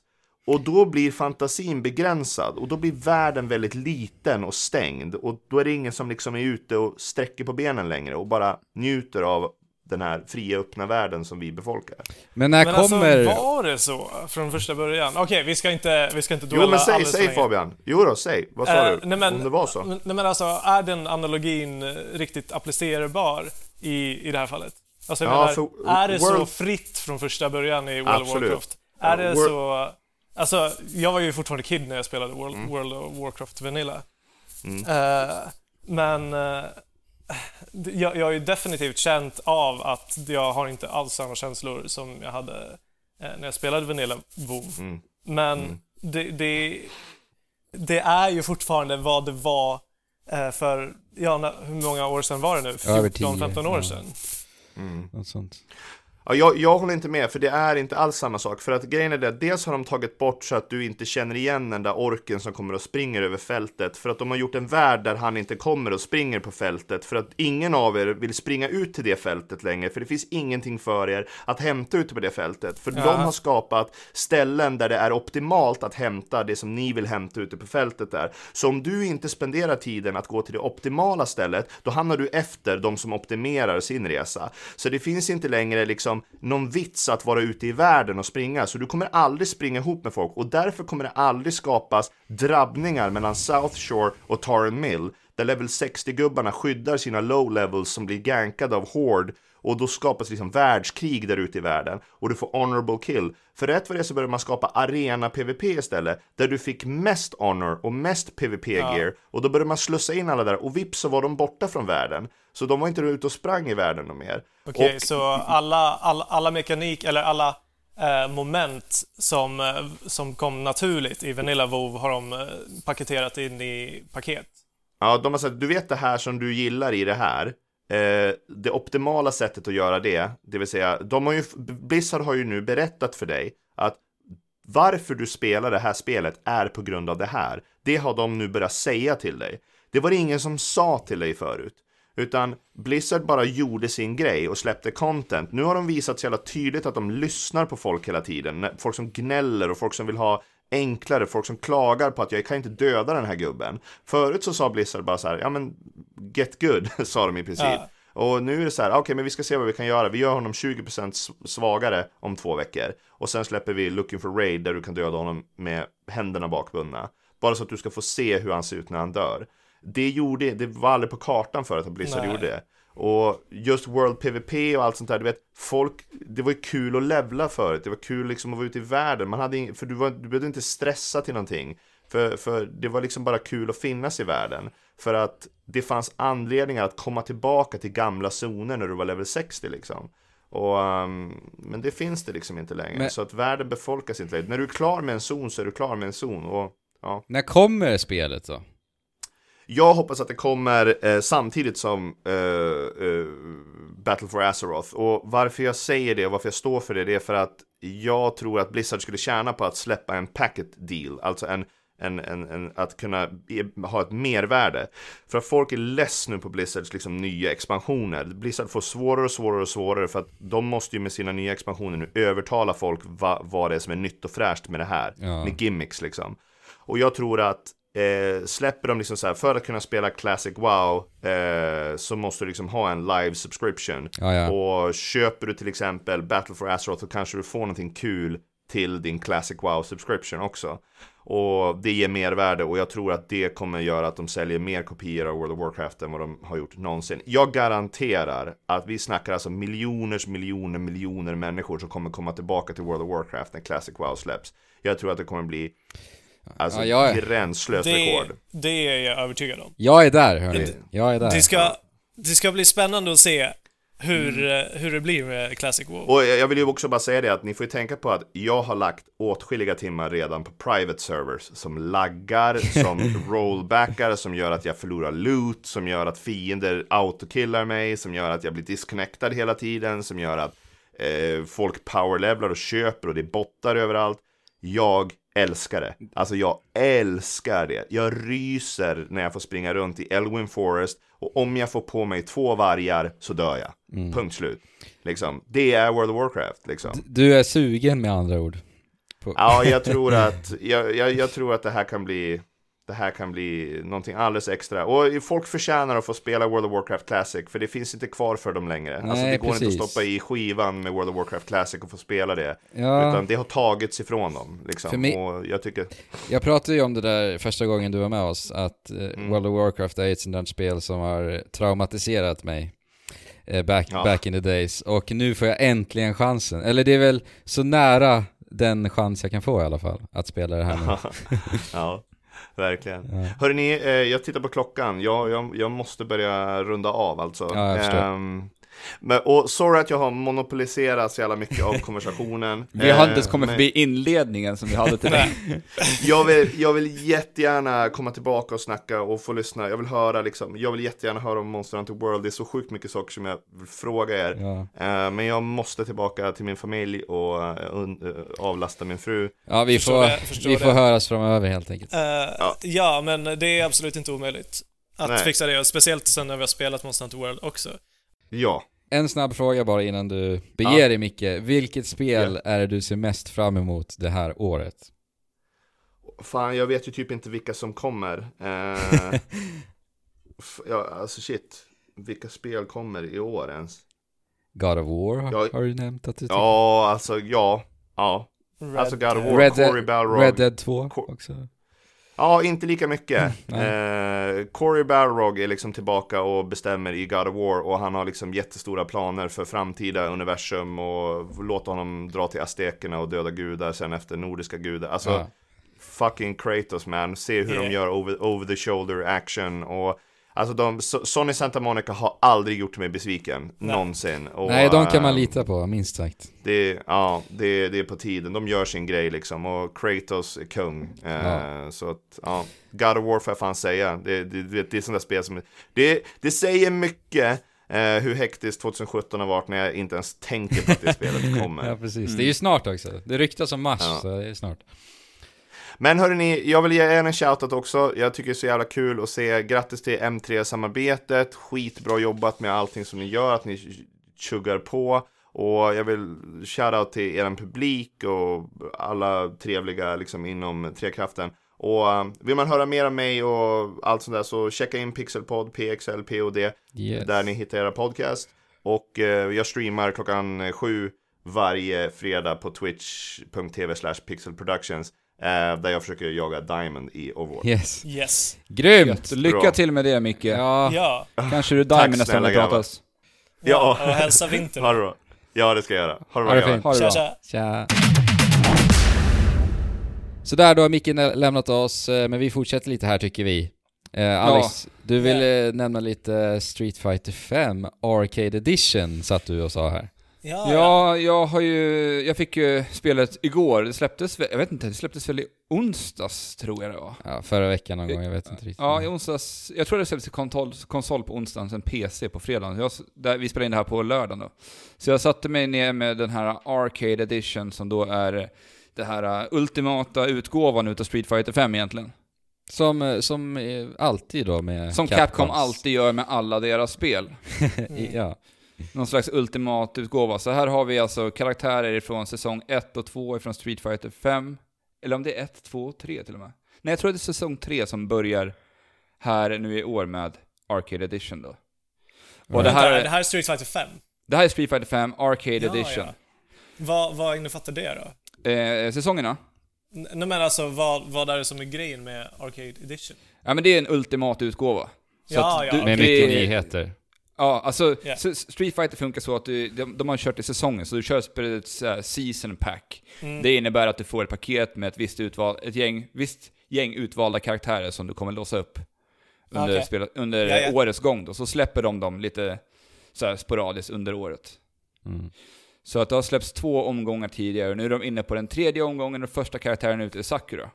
Eh, men eh, vi pratade, när vi pratade om Street Fighter 2 när det släpptes för, nej, Street Fighter 2, Street Fighter 5 för två år sedan. Ja. Så pratade Är det vi om två här, år sedan? Ja, det är det. Ja, det är det. Det är galet. Eh, vi Ja. pratade om hur smalt, eh, hur smalt det var på enspelarlägesfronten. Ja, egentligen hela spelet. Det var, fanns Ja. ju knappt material alltså. Nej, för de släppte ju det här spelet för att få ut det till liksom e-sportarna, det var ju så det kändes. Ja. Nu har ju den perfekta utgåvan släppts utav Street Fighter 5, skulle jag säga. För här Ja, finns det förvånande content. om det inte är så. Ja, nej men nu finns det verkligen content. Vi har ett nytt arcade-läge där man kan spela igenom... Alltså de har gjort ett läge baserat på Street Fighter 1 till Fem. 1 till 5 med ett Street Fighter Alpha däremellan. Och sen så står det lite info om var de här spelen ligger i den kronologiska ordningen i, i, Ja, okej. i Street Fighters lore. Så de gör alltså arc, En remake typ. ja, arcade-vändor i eh, händelseförloppen från Street Fighter 1 till 5. Eller? Ja, ja, Ja. ungefär. Och sen är det bara, i, i, som med Street Fighter, när du spelar Street Fighter 2, då är det ju inte alla karaktärer du kan välja på heller, utan man tar de karaktärerna som var, liksom, som fanns med i de spelen, är de du kan spela. Eller som Ah, har just någon som helst koppling till den tiden i storyn av Street Fighter 1, 2, 3, 4, 5. Eller Men Street känns det, bra, känns det bra gjort då? Alltså Eh, jag menar, är, men- det, är det bara så här som man spelade i Street Fighter 2, att du bara gick från strid till strid? Ja, det är, det är, ja, men det är, ja precis. Det är, Ja. det är textrutor som berättar lite. Men som igår till exempel, det var lite roligt. Jag satt och skrev med Andrew igår och försökte peppa igång honom på att spela Street Fighter 5. Aha. Och eh, då körde jag igenom Street Fighter, det första. Arkaden med alltså. Ryu. Ja, med Ar- Ryu. I arkadläge. Precis. Och sen är, kommer det upp en liten seriestrip som visar det sig att Ryu är den som har gjort... Ni vet att Sagat, den stora Muay Thai-fightern, har Ja. ett stort R över hela bröstet. Ja. Eh, ja, just det. Det har man ju aldrig tänkt på varför han har ett stort R, men det fick jag lära mig igår, för det är nämligen så att den första striden där de, där de stred emot varandra, Ryu och Sagat, så var det Ryu som drog en rejäl jäkla shoryuken rakt över Sagats bröst, så han har liksom fått ett Ah. R efter det. Mm. Så att det är lite såna här små roliga liksom, kopplingar till historien som man kan se i de här Ja. karaktärerna. Ger lite mervärde till liksom allt runt omkring Street Fighter. Ja, och så, Men så Låter det, som. Det finns ju väldigt mycket story bakom alla karaktärer i Street Fighter. Ja. Men storyläget finns väl också? Ja, det är ju det här gamla de släppte Som typ ett halvår efter, ja. Ja. huvud, som släpptes i grundspelet där. Ja. Men inte vid release då. Nej. Sen har de lagt till lite andra grejer som jag tycker är jättebra för spelet. Och det är såna här olika daily challenges. Det kan vara så att du ska göra 10 counterattacks, du ska samla 20 000 poäng i ett arcade-läge. Mm. Och när du klarar de här olika uppdragen så får du fight money som är valutan i Street Fighter 5 som du kan använda för att köpa karaktärer, skins och lite sånt där annat. Ja, Ja. men det, det låter stabilt. Mm. Jag, jag, vi pratade om det här förut, att vi tycker att när man tittade på spel som Injustice som gjorde, jag tyckte gjorde det här jättebra när det kom till skins och valuta i spelet. Så känns det som att Street Fighter har rört sig lite mer åt, i rätt riktning och det gör mig väldigt glad. Ja men just att det är enklare att erhålla fight money, för det var ju, tog ju så jäkla lång tid i originalversionen. Ja, för det var ju lite det vi på förhand hyllade, vad heter det, Capcom för. Ja. Att det här med att man kunde tjäna fight money, för att säga ska ju att man kan köpa skins för riktiga pengar i Street Fighter också. ja. Och det, det pratar vi mycket om, att vad bra att man faktiskt kan tjäna de här pengarna i spelet också och faktiskt Mm. låsa upp skins på det sättet. Ja, det blir lite som Overwatch-modellen. Mm. ja, precis. Att Men när du går upp i level så får du en lootbox. När du spelar mycket så kan du köpa nya skins. Men det Mm. tog alldeles för lång tid tyckte jag. I Ja, femman. det gjorde ju det, verkligen. Alltså, du köpte väl typ ett skin till din Rashid och sånt? Ja, på 100 timmar. Ja. Okej, okej, det Så är att, lite, eh, nej, men- lite för snålt. Riktigt Ja. så snålt var det inte heller, men det var väldigt snålt. För Mm. jag köpte lite Då- annat också. Men sen är det något annat läge. Jag har, jag har, precis, jag har ju bara lagt ner några ynka timmar på det här än så länge. Men det var Mhm. något annat läge som jag tyckte såg väldigt spännande ut. För det var, det var något som hette typ Challenge eller något sånt där. Och där kunde du, alltså du kunde typ gå in och betala pengar för att ta dig an det här uppdraget. Och då handlade det om så här 2000 fight money. Och sen har du det här uppdraget som du ska göra och då kan du få en reward. Jag vet inte vad det här är. Vadå, det som att gambla lite eller vadå? Ja, alltså en Man gambling spelar på pengar. Ja, alltså i, i dina fight money. Va? Och det tyckte jag var väldigt eh, intressant. Det låter ju helt sjukt ju. Så jag ska kika lite på vad det där är, för att om det Ja. låser upp någonting av faktiskt värde så kan det ju vara riktigt kul. Och just att verkligen spela med den där risken att kunna förlora Shit. också. Ja, Det låter ju assjukt ju. Ja, för att du vet ju att 2000 fight money, det är mycket Ja, fight det är money. det. Ja, du får återkomma Så- om det där alltså. Ja. Eh, men det är skitkul, och så spelet känns mycket snyggare än det, vad jag minns det. Bara en sån Mm. liten grej igår, jag märkte att jag spelade min favorit, Ken Masters. Han har blivit långhårig i Street Fighter 5. Mm. Mm, just det. Och det kändes som att hans hårsvall såg så mycket snyggare ut än vad jag minns det. Okej. Ja. Ja men Okej. säkert, alltså någon form av grafisk uppdatering måste det väl ändå vara. Lite grann Mm. i alla fall. Ja, men det det, det, det, ja, det känns så i alla fall. Ja. Alltså för det är övrigt... härligt att se hans gula frilla bara svälla runt fritt i luften. Så här. Det är fint. Men för övrigt alltså. Street Mm. Fighter 5 är så fasansfullt jävla snyggt. Alltså jag, Ja. dröm, jag drömmer verkligen om ett äventyrsspel med den där grafiska stilen. Alltså det vore så underbart. Mm. Jag, jag vill ja, se det är mer, riktigt snyggt. mer sånt i spelvärlden, tack. Mm. Eh, en nyhet som jag älskar också med Street Fighter 5 Arcade Edition, jag har inte spelat det själv men jag har sett, eh, det är ju träningsläget alltså. Oj oj oj. Mm. Det är väl typ det bästa, tycker jag som är, har varit en kompetitiv inriktad Street Fighter-spelare. Det är att du kan se en liten mätare vid varje slag du gör när du kan göra nästa attack. Alltså du kan se, hur, Ja, timingen. du kan se hur Mm. många frames varje attack är. Ah, Och- coolt. Så du har en, en liksom visuell mätare. Så när du slår så bara dräneras den i det antal frames den har då. Alltså det är så smart. Det, det där är ju, jag, jag älskar ju den, det tillägget också. Det är ju så, jag fattar inte att ingen har gjort det här tidigare. Nej, det är jättekonstigt faktiskt. Och frames, alltså att räkna frames är ju ganska komplext att sätta sig Ja. in i om man inte är liksom inne i Street Fighter, Ja, men- eller fighting-spelande överhuvudtaget. Ja. Det finns ju visuella upplysningar om det i Street Fighter och det är ju rörelsen på dina, din karaktär. Mm. Men det är så jäkla mycket lättare att ha en, en mätare som dräneras förstås. Speciellt om man är liksom ny till det hela. ja. Ja, och sen så, sen så sätter det sig i muskelminnet. Liksom. Alltså det gör det väl i vilket fall, men här kan du mer träna på att Ja. få in det på riktigt. Och sen kan du ha också en, ett snabbkommando, en knapp för att liksom återställa hela eh, ursprungsstadiet när du tränar. Så säg att du ska träna på ett specifikt move. Då kan du bara, om, det, om du gör det, det, den rörelsen, sen bara nej det här gick inget bra. Tryck på en knapp, sen är du tillbaka till, till det Ja, så ursprungsstadiet. bra. Så ja, och som underlättar bara spelandet, gör det Ja, övandet helt enkelt. Ja. Ja. Men alltså, jag, det jag skulle vilja se dem göra i ett fightingspel framöver, det är att lära ut tänket kring hur man läser frames i spelet. Mhm. Alltså genom någon typ Alltså av någon tutorial. tutorial av något slag. Ja, Fast, att, ja men där har du ju trials. Alltså trials-läget ja, visar men ju... att det ska förtydligas, för de har ju inte den här mätaren du nämner om i trials. Jo.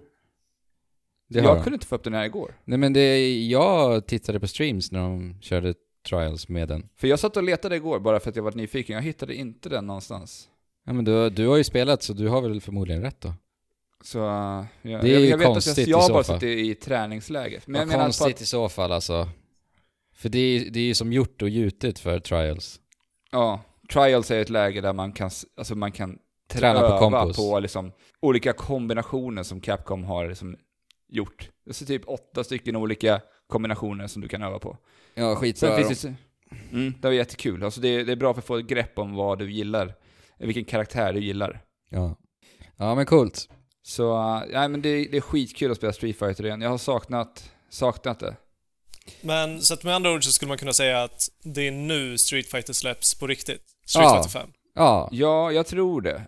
det är nya V-tri- nya V-triggers och sånt också är det så. Ja, du, kan, du har ju två stycken V-triggers nu och V-trigger är ju, alltså typ, det är inte ultimat attack. Nej men för att förenkla det kan man ju säga det. Alltså, vi behöver inte ja, gå in men i alltså detalj. det, är- det är typ en, en extra förmåga som din karaktär har. Ja, exakt.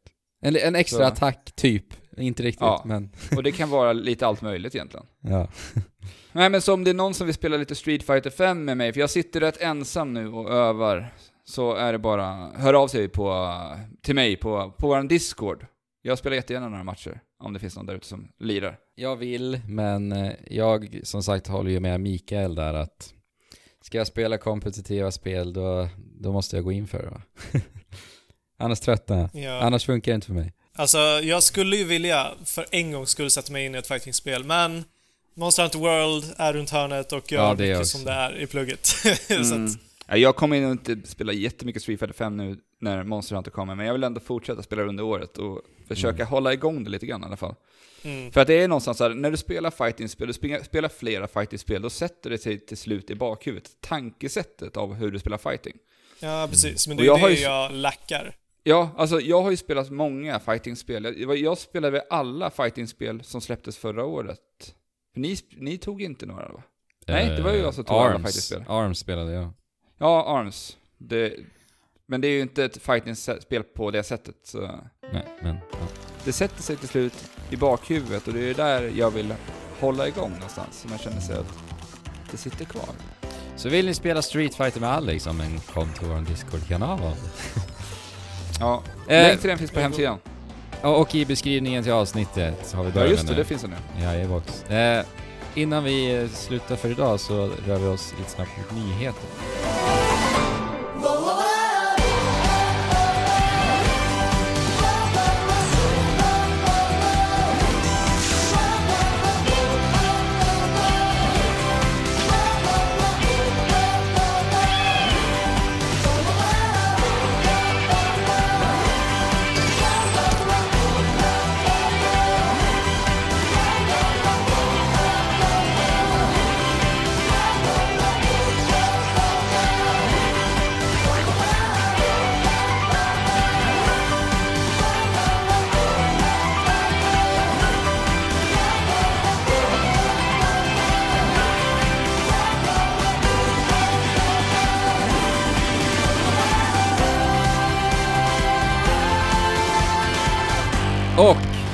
Ska vi prata då om de här kartongerna.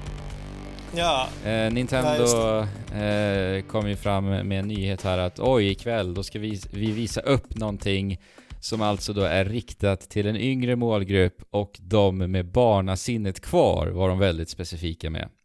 Ja, och det var någon på Ubisoft som hade twittrat att de skulle få internet att sprängas och uh, hypen var ju rätt stor. Eller, eller intresset var stort för vad det här skulle vara. Mm. Och de utannonserar då alltså Nintendo Labo.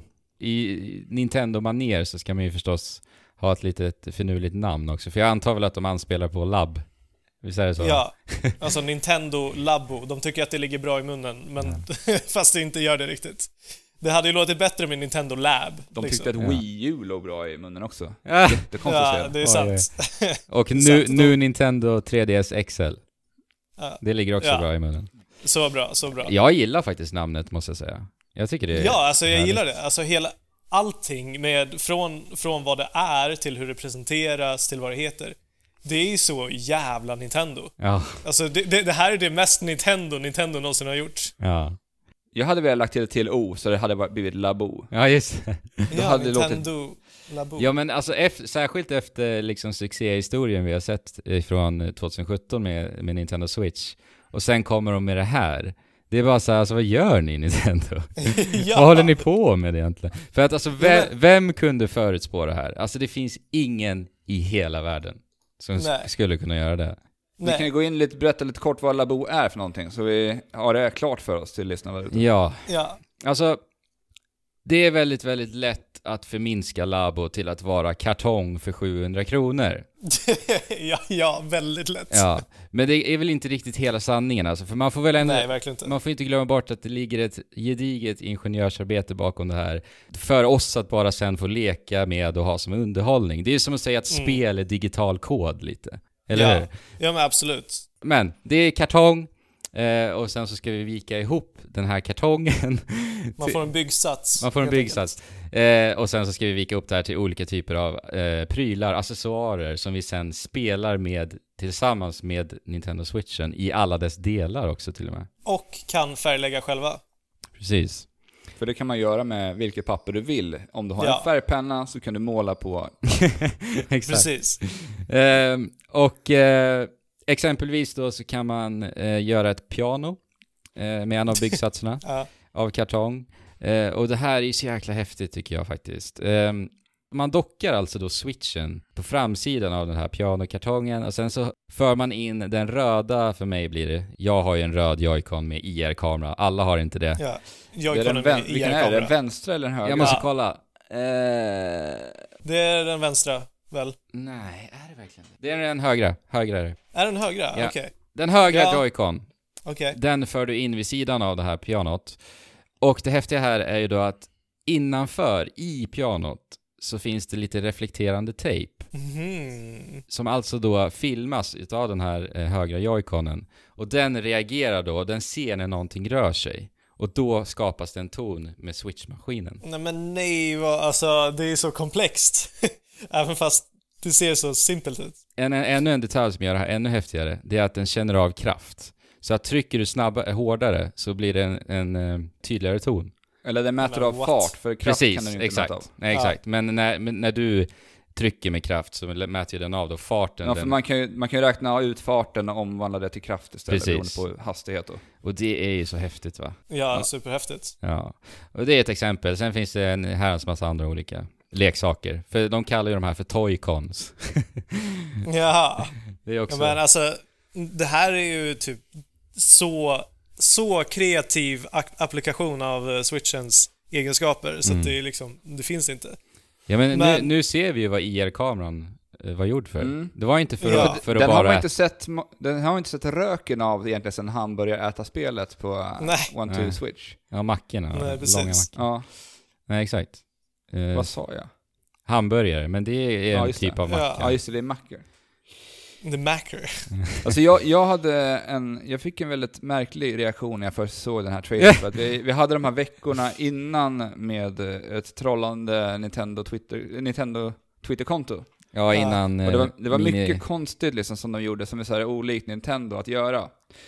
Sen ser jag en trailer av massa pappkartonger och det är bara konstigt. Jag bara, vad fan är det som händer? Trollar de oss Ja. igen? Alltså det var, det var liksom första tanken. Mm. Ja, och sen För att det jag- ska jag- släppas i april också. Ja, och jag hade inte blivit förvånad om Nintendo hade trollat oss idag. För det, de har lite, alltså de börjar förstå internets påverkan, hur mycket PR de kan få genom att göra jävligt tokiga saker. Ja, Det sprids ju som en jäkla löpeld över hela nätet när Nintendo gör an- märkliga Ja. val. Annorlunda val.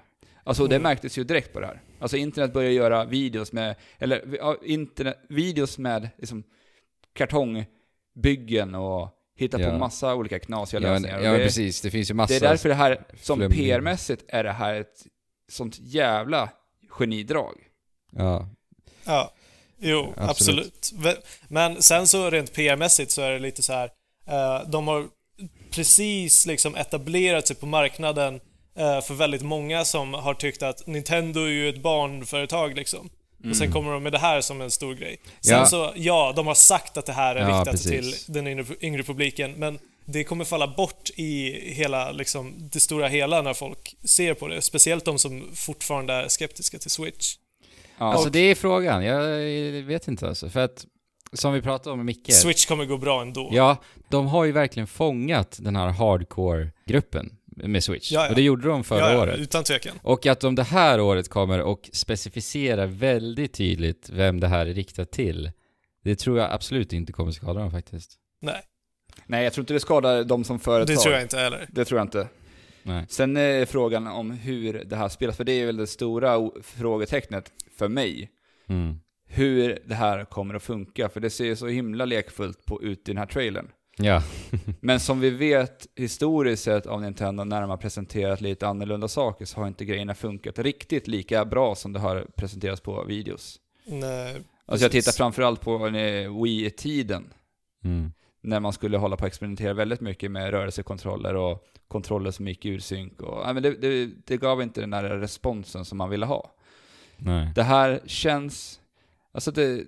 Jag inte. Det, jag, jag tror bara inte att det här kommer fungera så som man förväntar sig. Alltså jag har ju läst lite, Nej. jag har ju läst lite artiklar om de som har provat på det.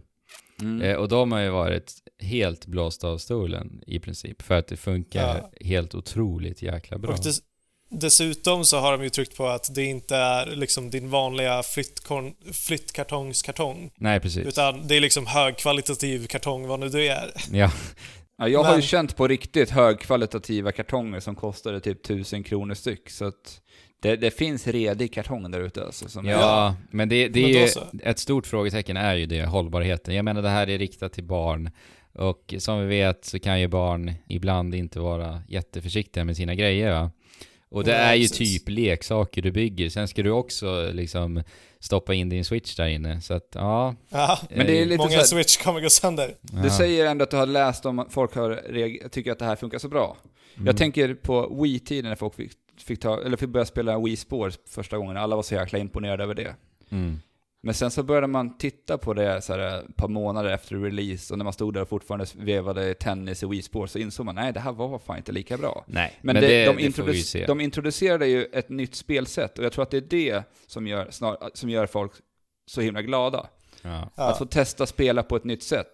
jo. Det, Alltså- det överväger mera om, än hur liksom utförandet egentligen funkar. För att det här är ju Ja. ett nytt sätt att spela på och interagera med något, ett digitalt medium. Mm. Ja, Ja, det är ju men det- verkligen ett nytt sätt att spela. Det får man ju ja säga. och he- hela den as- aspekten uppskattar jag verkligen jättemycket. Ja. Och jag älskar konceptet, men jag känner fortfarande att jag tror att Nintendo är lite för sin tid här och, och tar ut det, sin, sin genialitet lite för tidigt.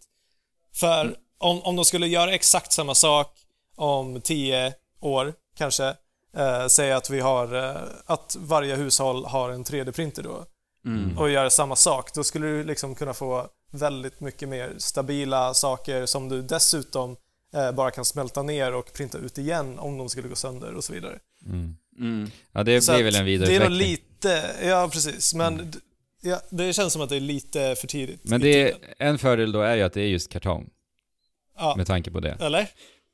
På vilket sätt? Alltså det blir, det blir miljövänligare, helt enkelt. Alltså istället för att det skulle vara plast menar jag. Ja, ja. Det jag tycker ska bli, det, det jag tycker ska bli spännande med det här är att jag fick ju höra ifrån, på vår Discord, så var det en, en användare som heter Makos där, Mm. som berättade att det skulle finnas, alltså att man kan använda vilken kartong som helst, det ska finnas repareringskit och grejer med Ja, precis. i spelet. ja, ja. Och jag tycker att det här är kanske den bästa grejen med Labo. Alltså att Mm.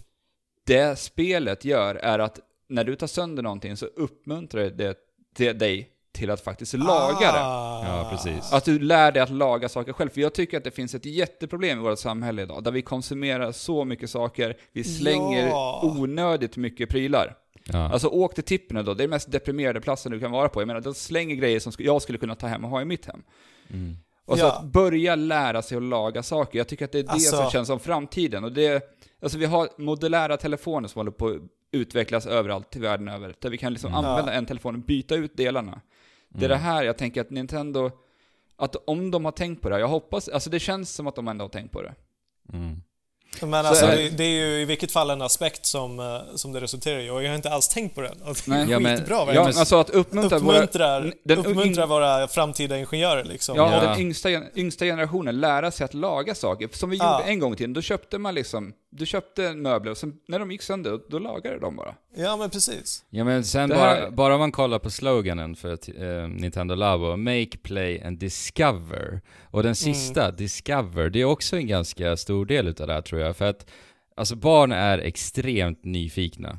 Ja. Och att du tillsammans med din förälder kan bygga ihop ett helt spel väldigt eh, lekfullt och charmigt tillsammans med switchen då, för den hjälper ju dig och du kan se en 3D-modell hur allting sitter ihop och hur du ska vika och sådär va.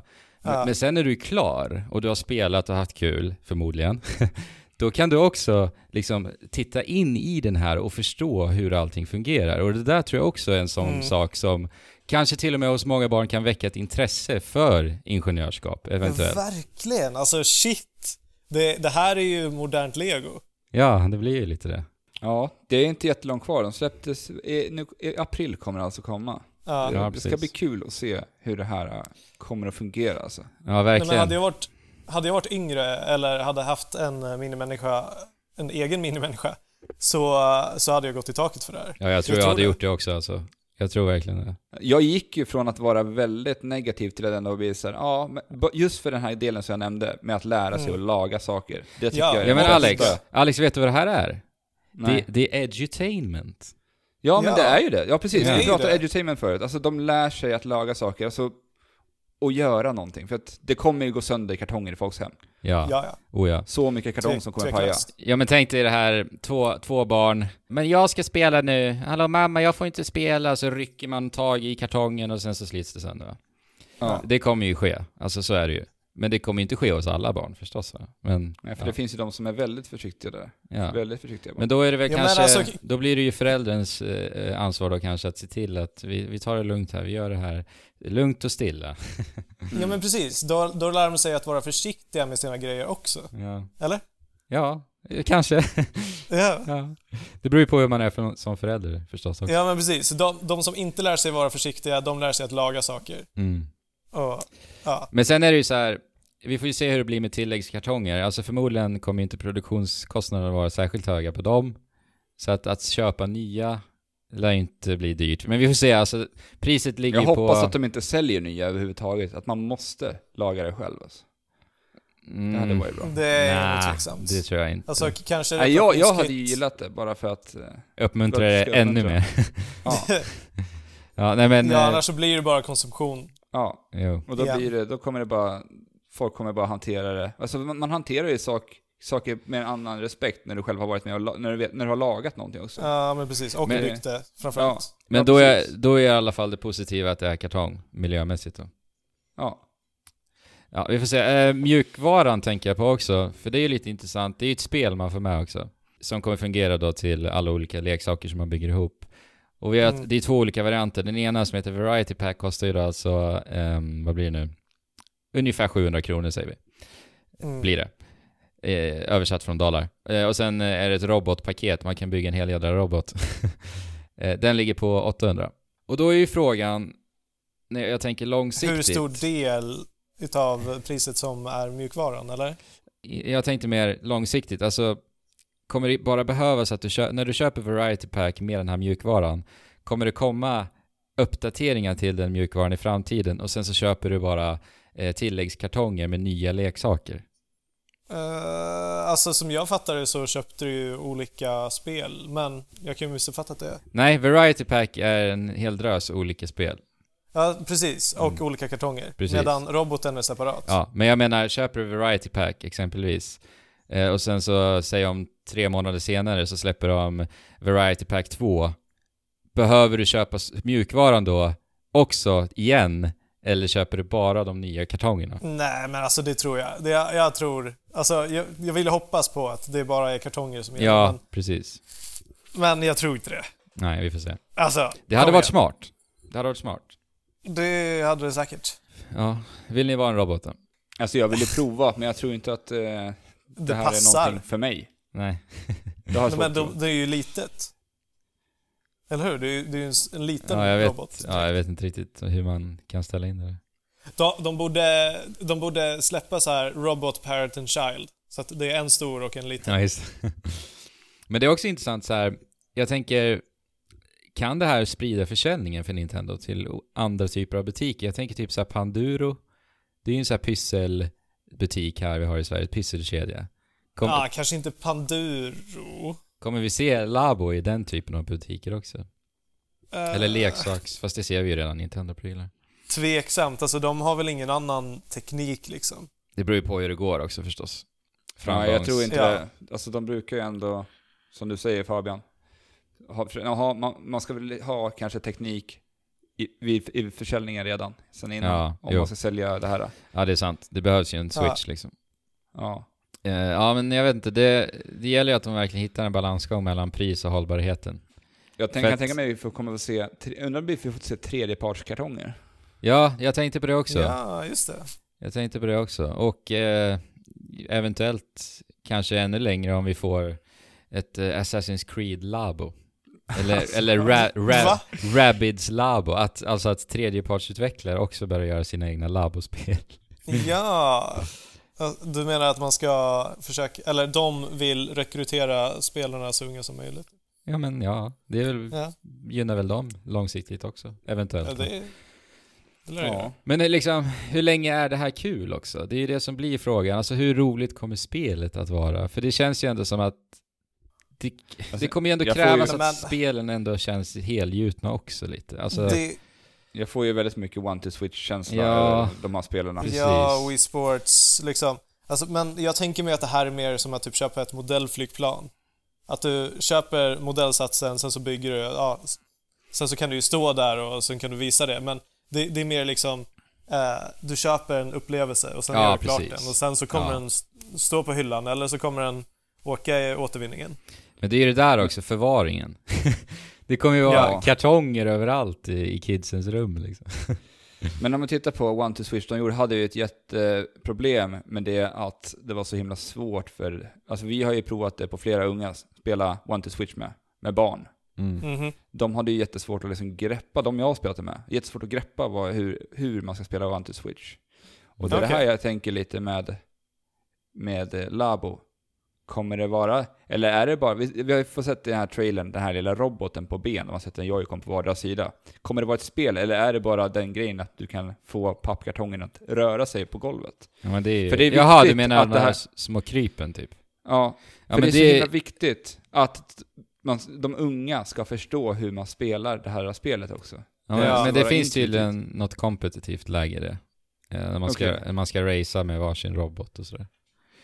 Så okay. vi, får se, ja. vi får ju se hur spelarna blir. Jag hoppas att vi får det här så vi kan recensera det här i podden. Det vore, men, vore kul. Men faktiskt. alltså, jag, jag, tror, jag tror inte att vi kommer tycka det är kul så länge. Men nej, nej, om man absolut. tittar till målgruppen så, alltså när, när jag var liten så kunde jag spela samma spel hur länge som helst och tycker det var lika kul. Vi skulle behöva ett barn som kom in och recenserade spelet. Ja, ja, faktiskt. Är det, är det någon där ute som har ett barn som vill recensera Nintendo Labo ja. åt oss? Men sen Yoshi då? Yoshi, nya Yoshi är för tusan byggt i papp. Ja. Kommer det bli Labo-kompatibelt eller? Definitivt, definitivt. Var det därför de inte visade det på Nintendo Direct den här förra veckan? Eh, mycket möjligt. Jag vet inte. Uh, men definitivt jag att tänker det kommer ha någonting med varandra att göra. Ja. Även om det bara är en liten blinkning till varandra. Att det finns ett labo-set i Yoshi eller att uh, det finns något lite minispel med labo. Ja, men precis. Alltså det enda jag är lite orolig över med det här, det är att det ska få ta för mycket fokus. Alltså att vi, får, att vi kommer se att de gör exklusiva labospel mer än vad vi vill. Eh, mm, exempelvis om vi, exempelvis om vi ser, inte. nej jag tror inte det heller. Men det gör ändå nej, någonstans Nej men precis, men jag tänker till exempel Mario Party, om det nästa Mario Party skulle vara ett labb och Mario Party. Nej, nej det tror nej. jag inte. Nej, Om det blir så, så kommer de skicka med någon liten kartongbit liksom i förpackningen i så fall. Så att ja. de har det som en liten extra grej.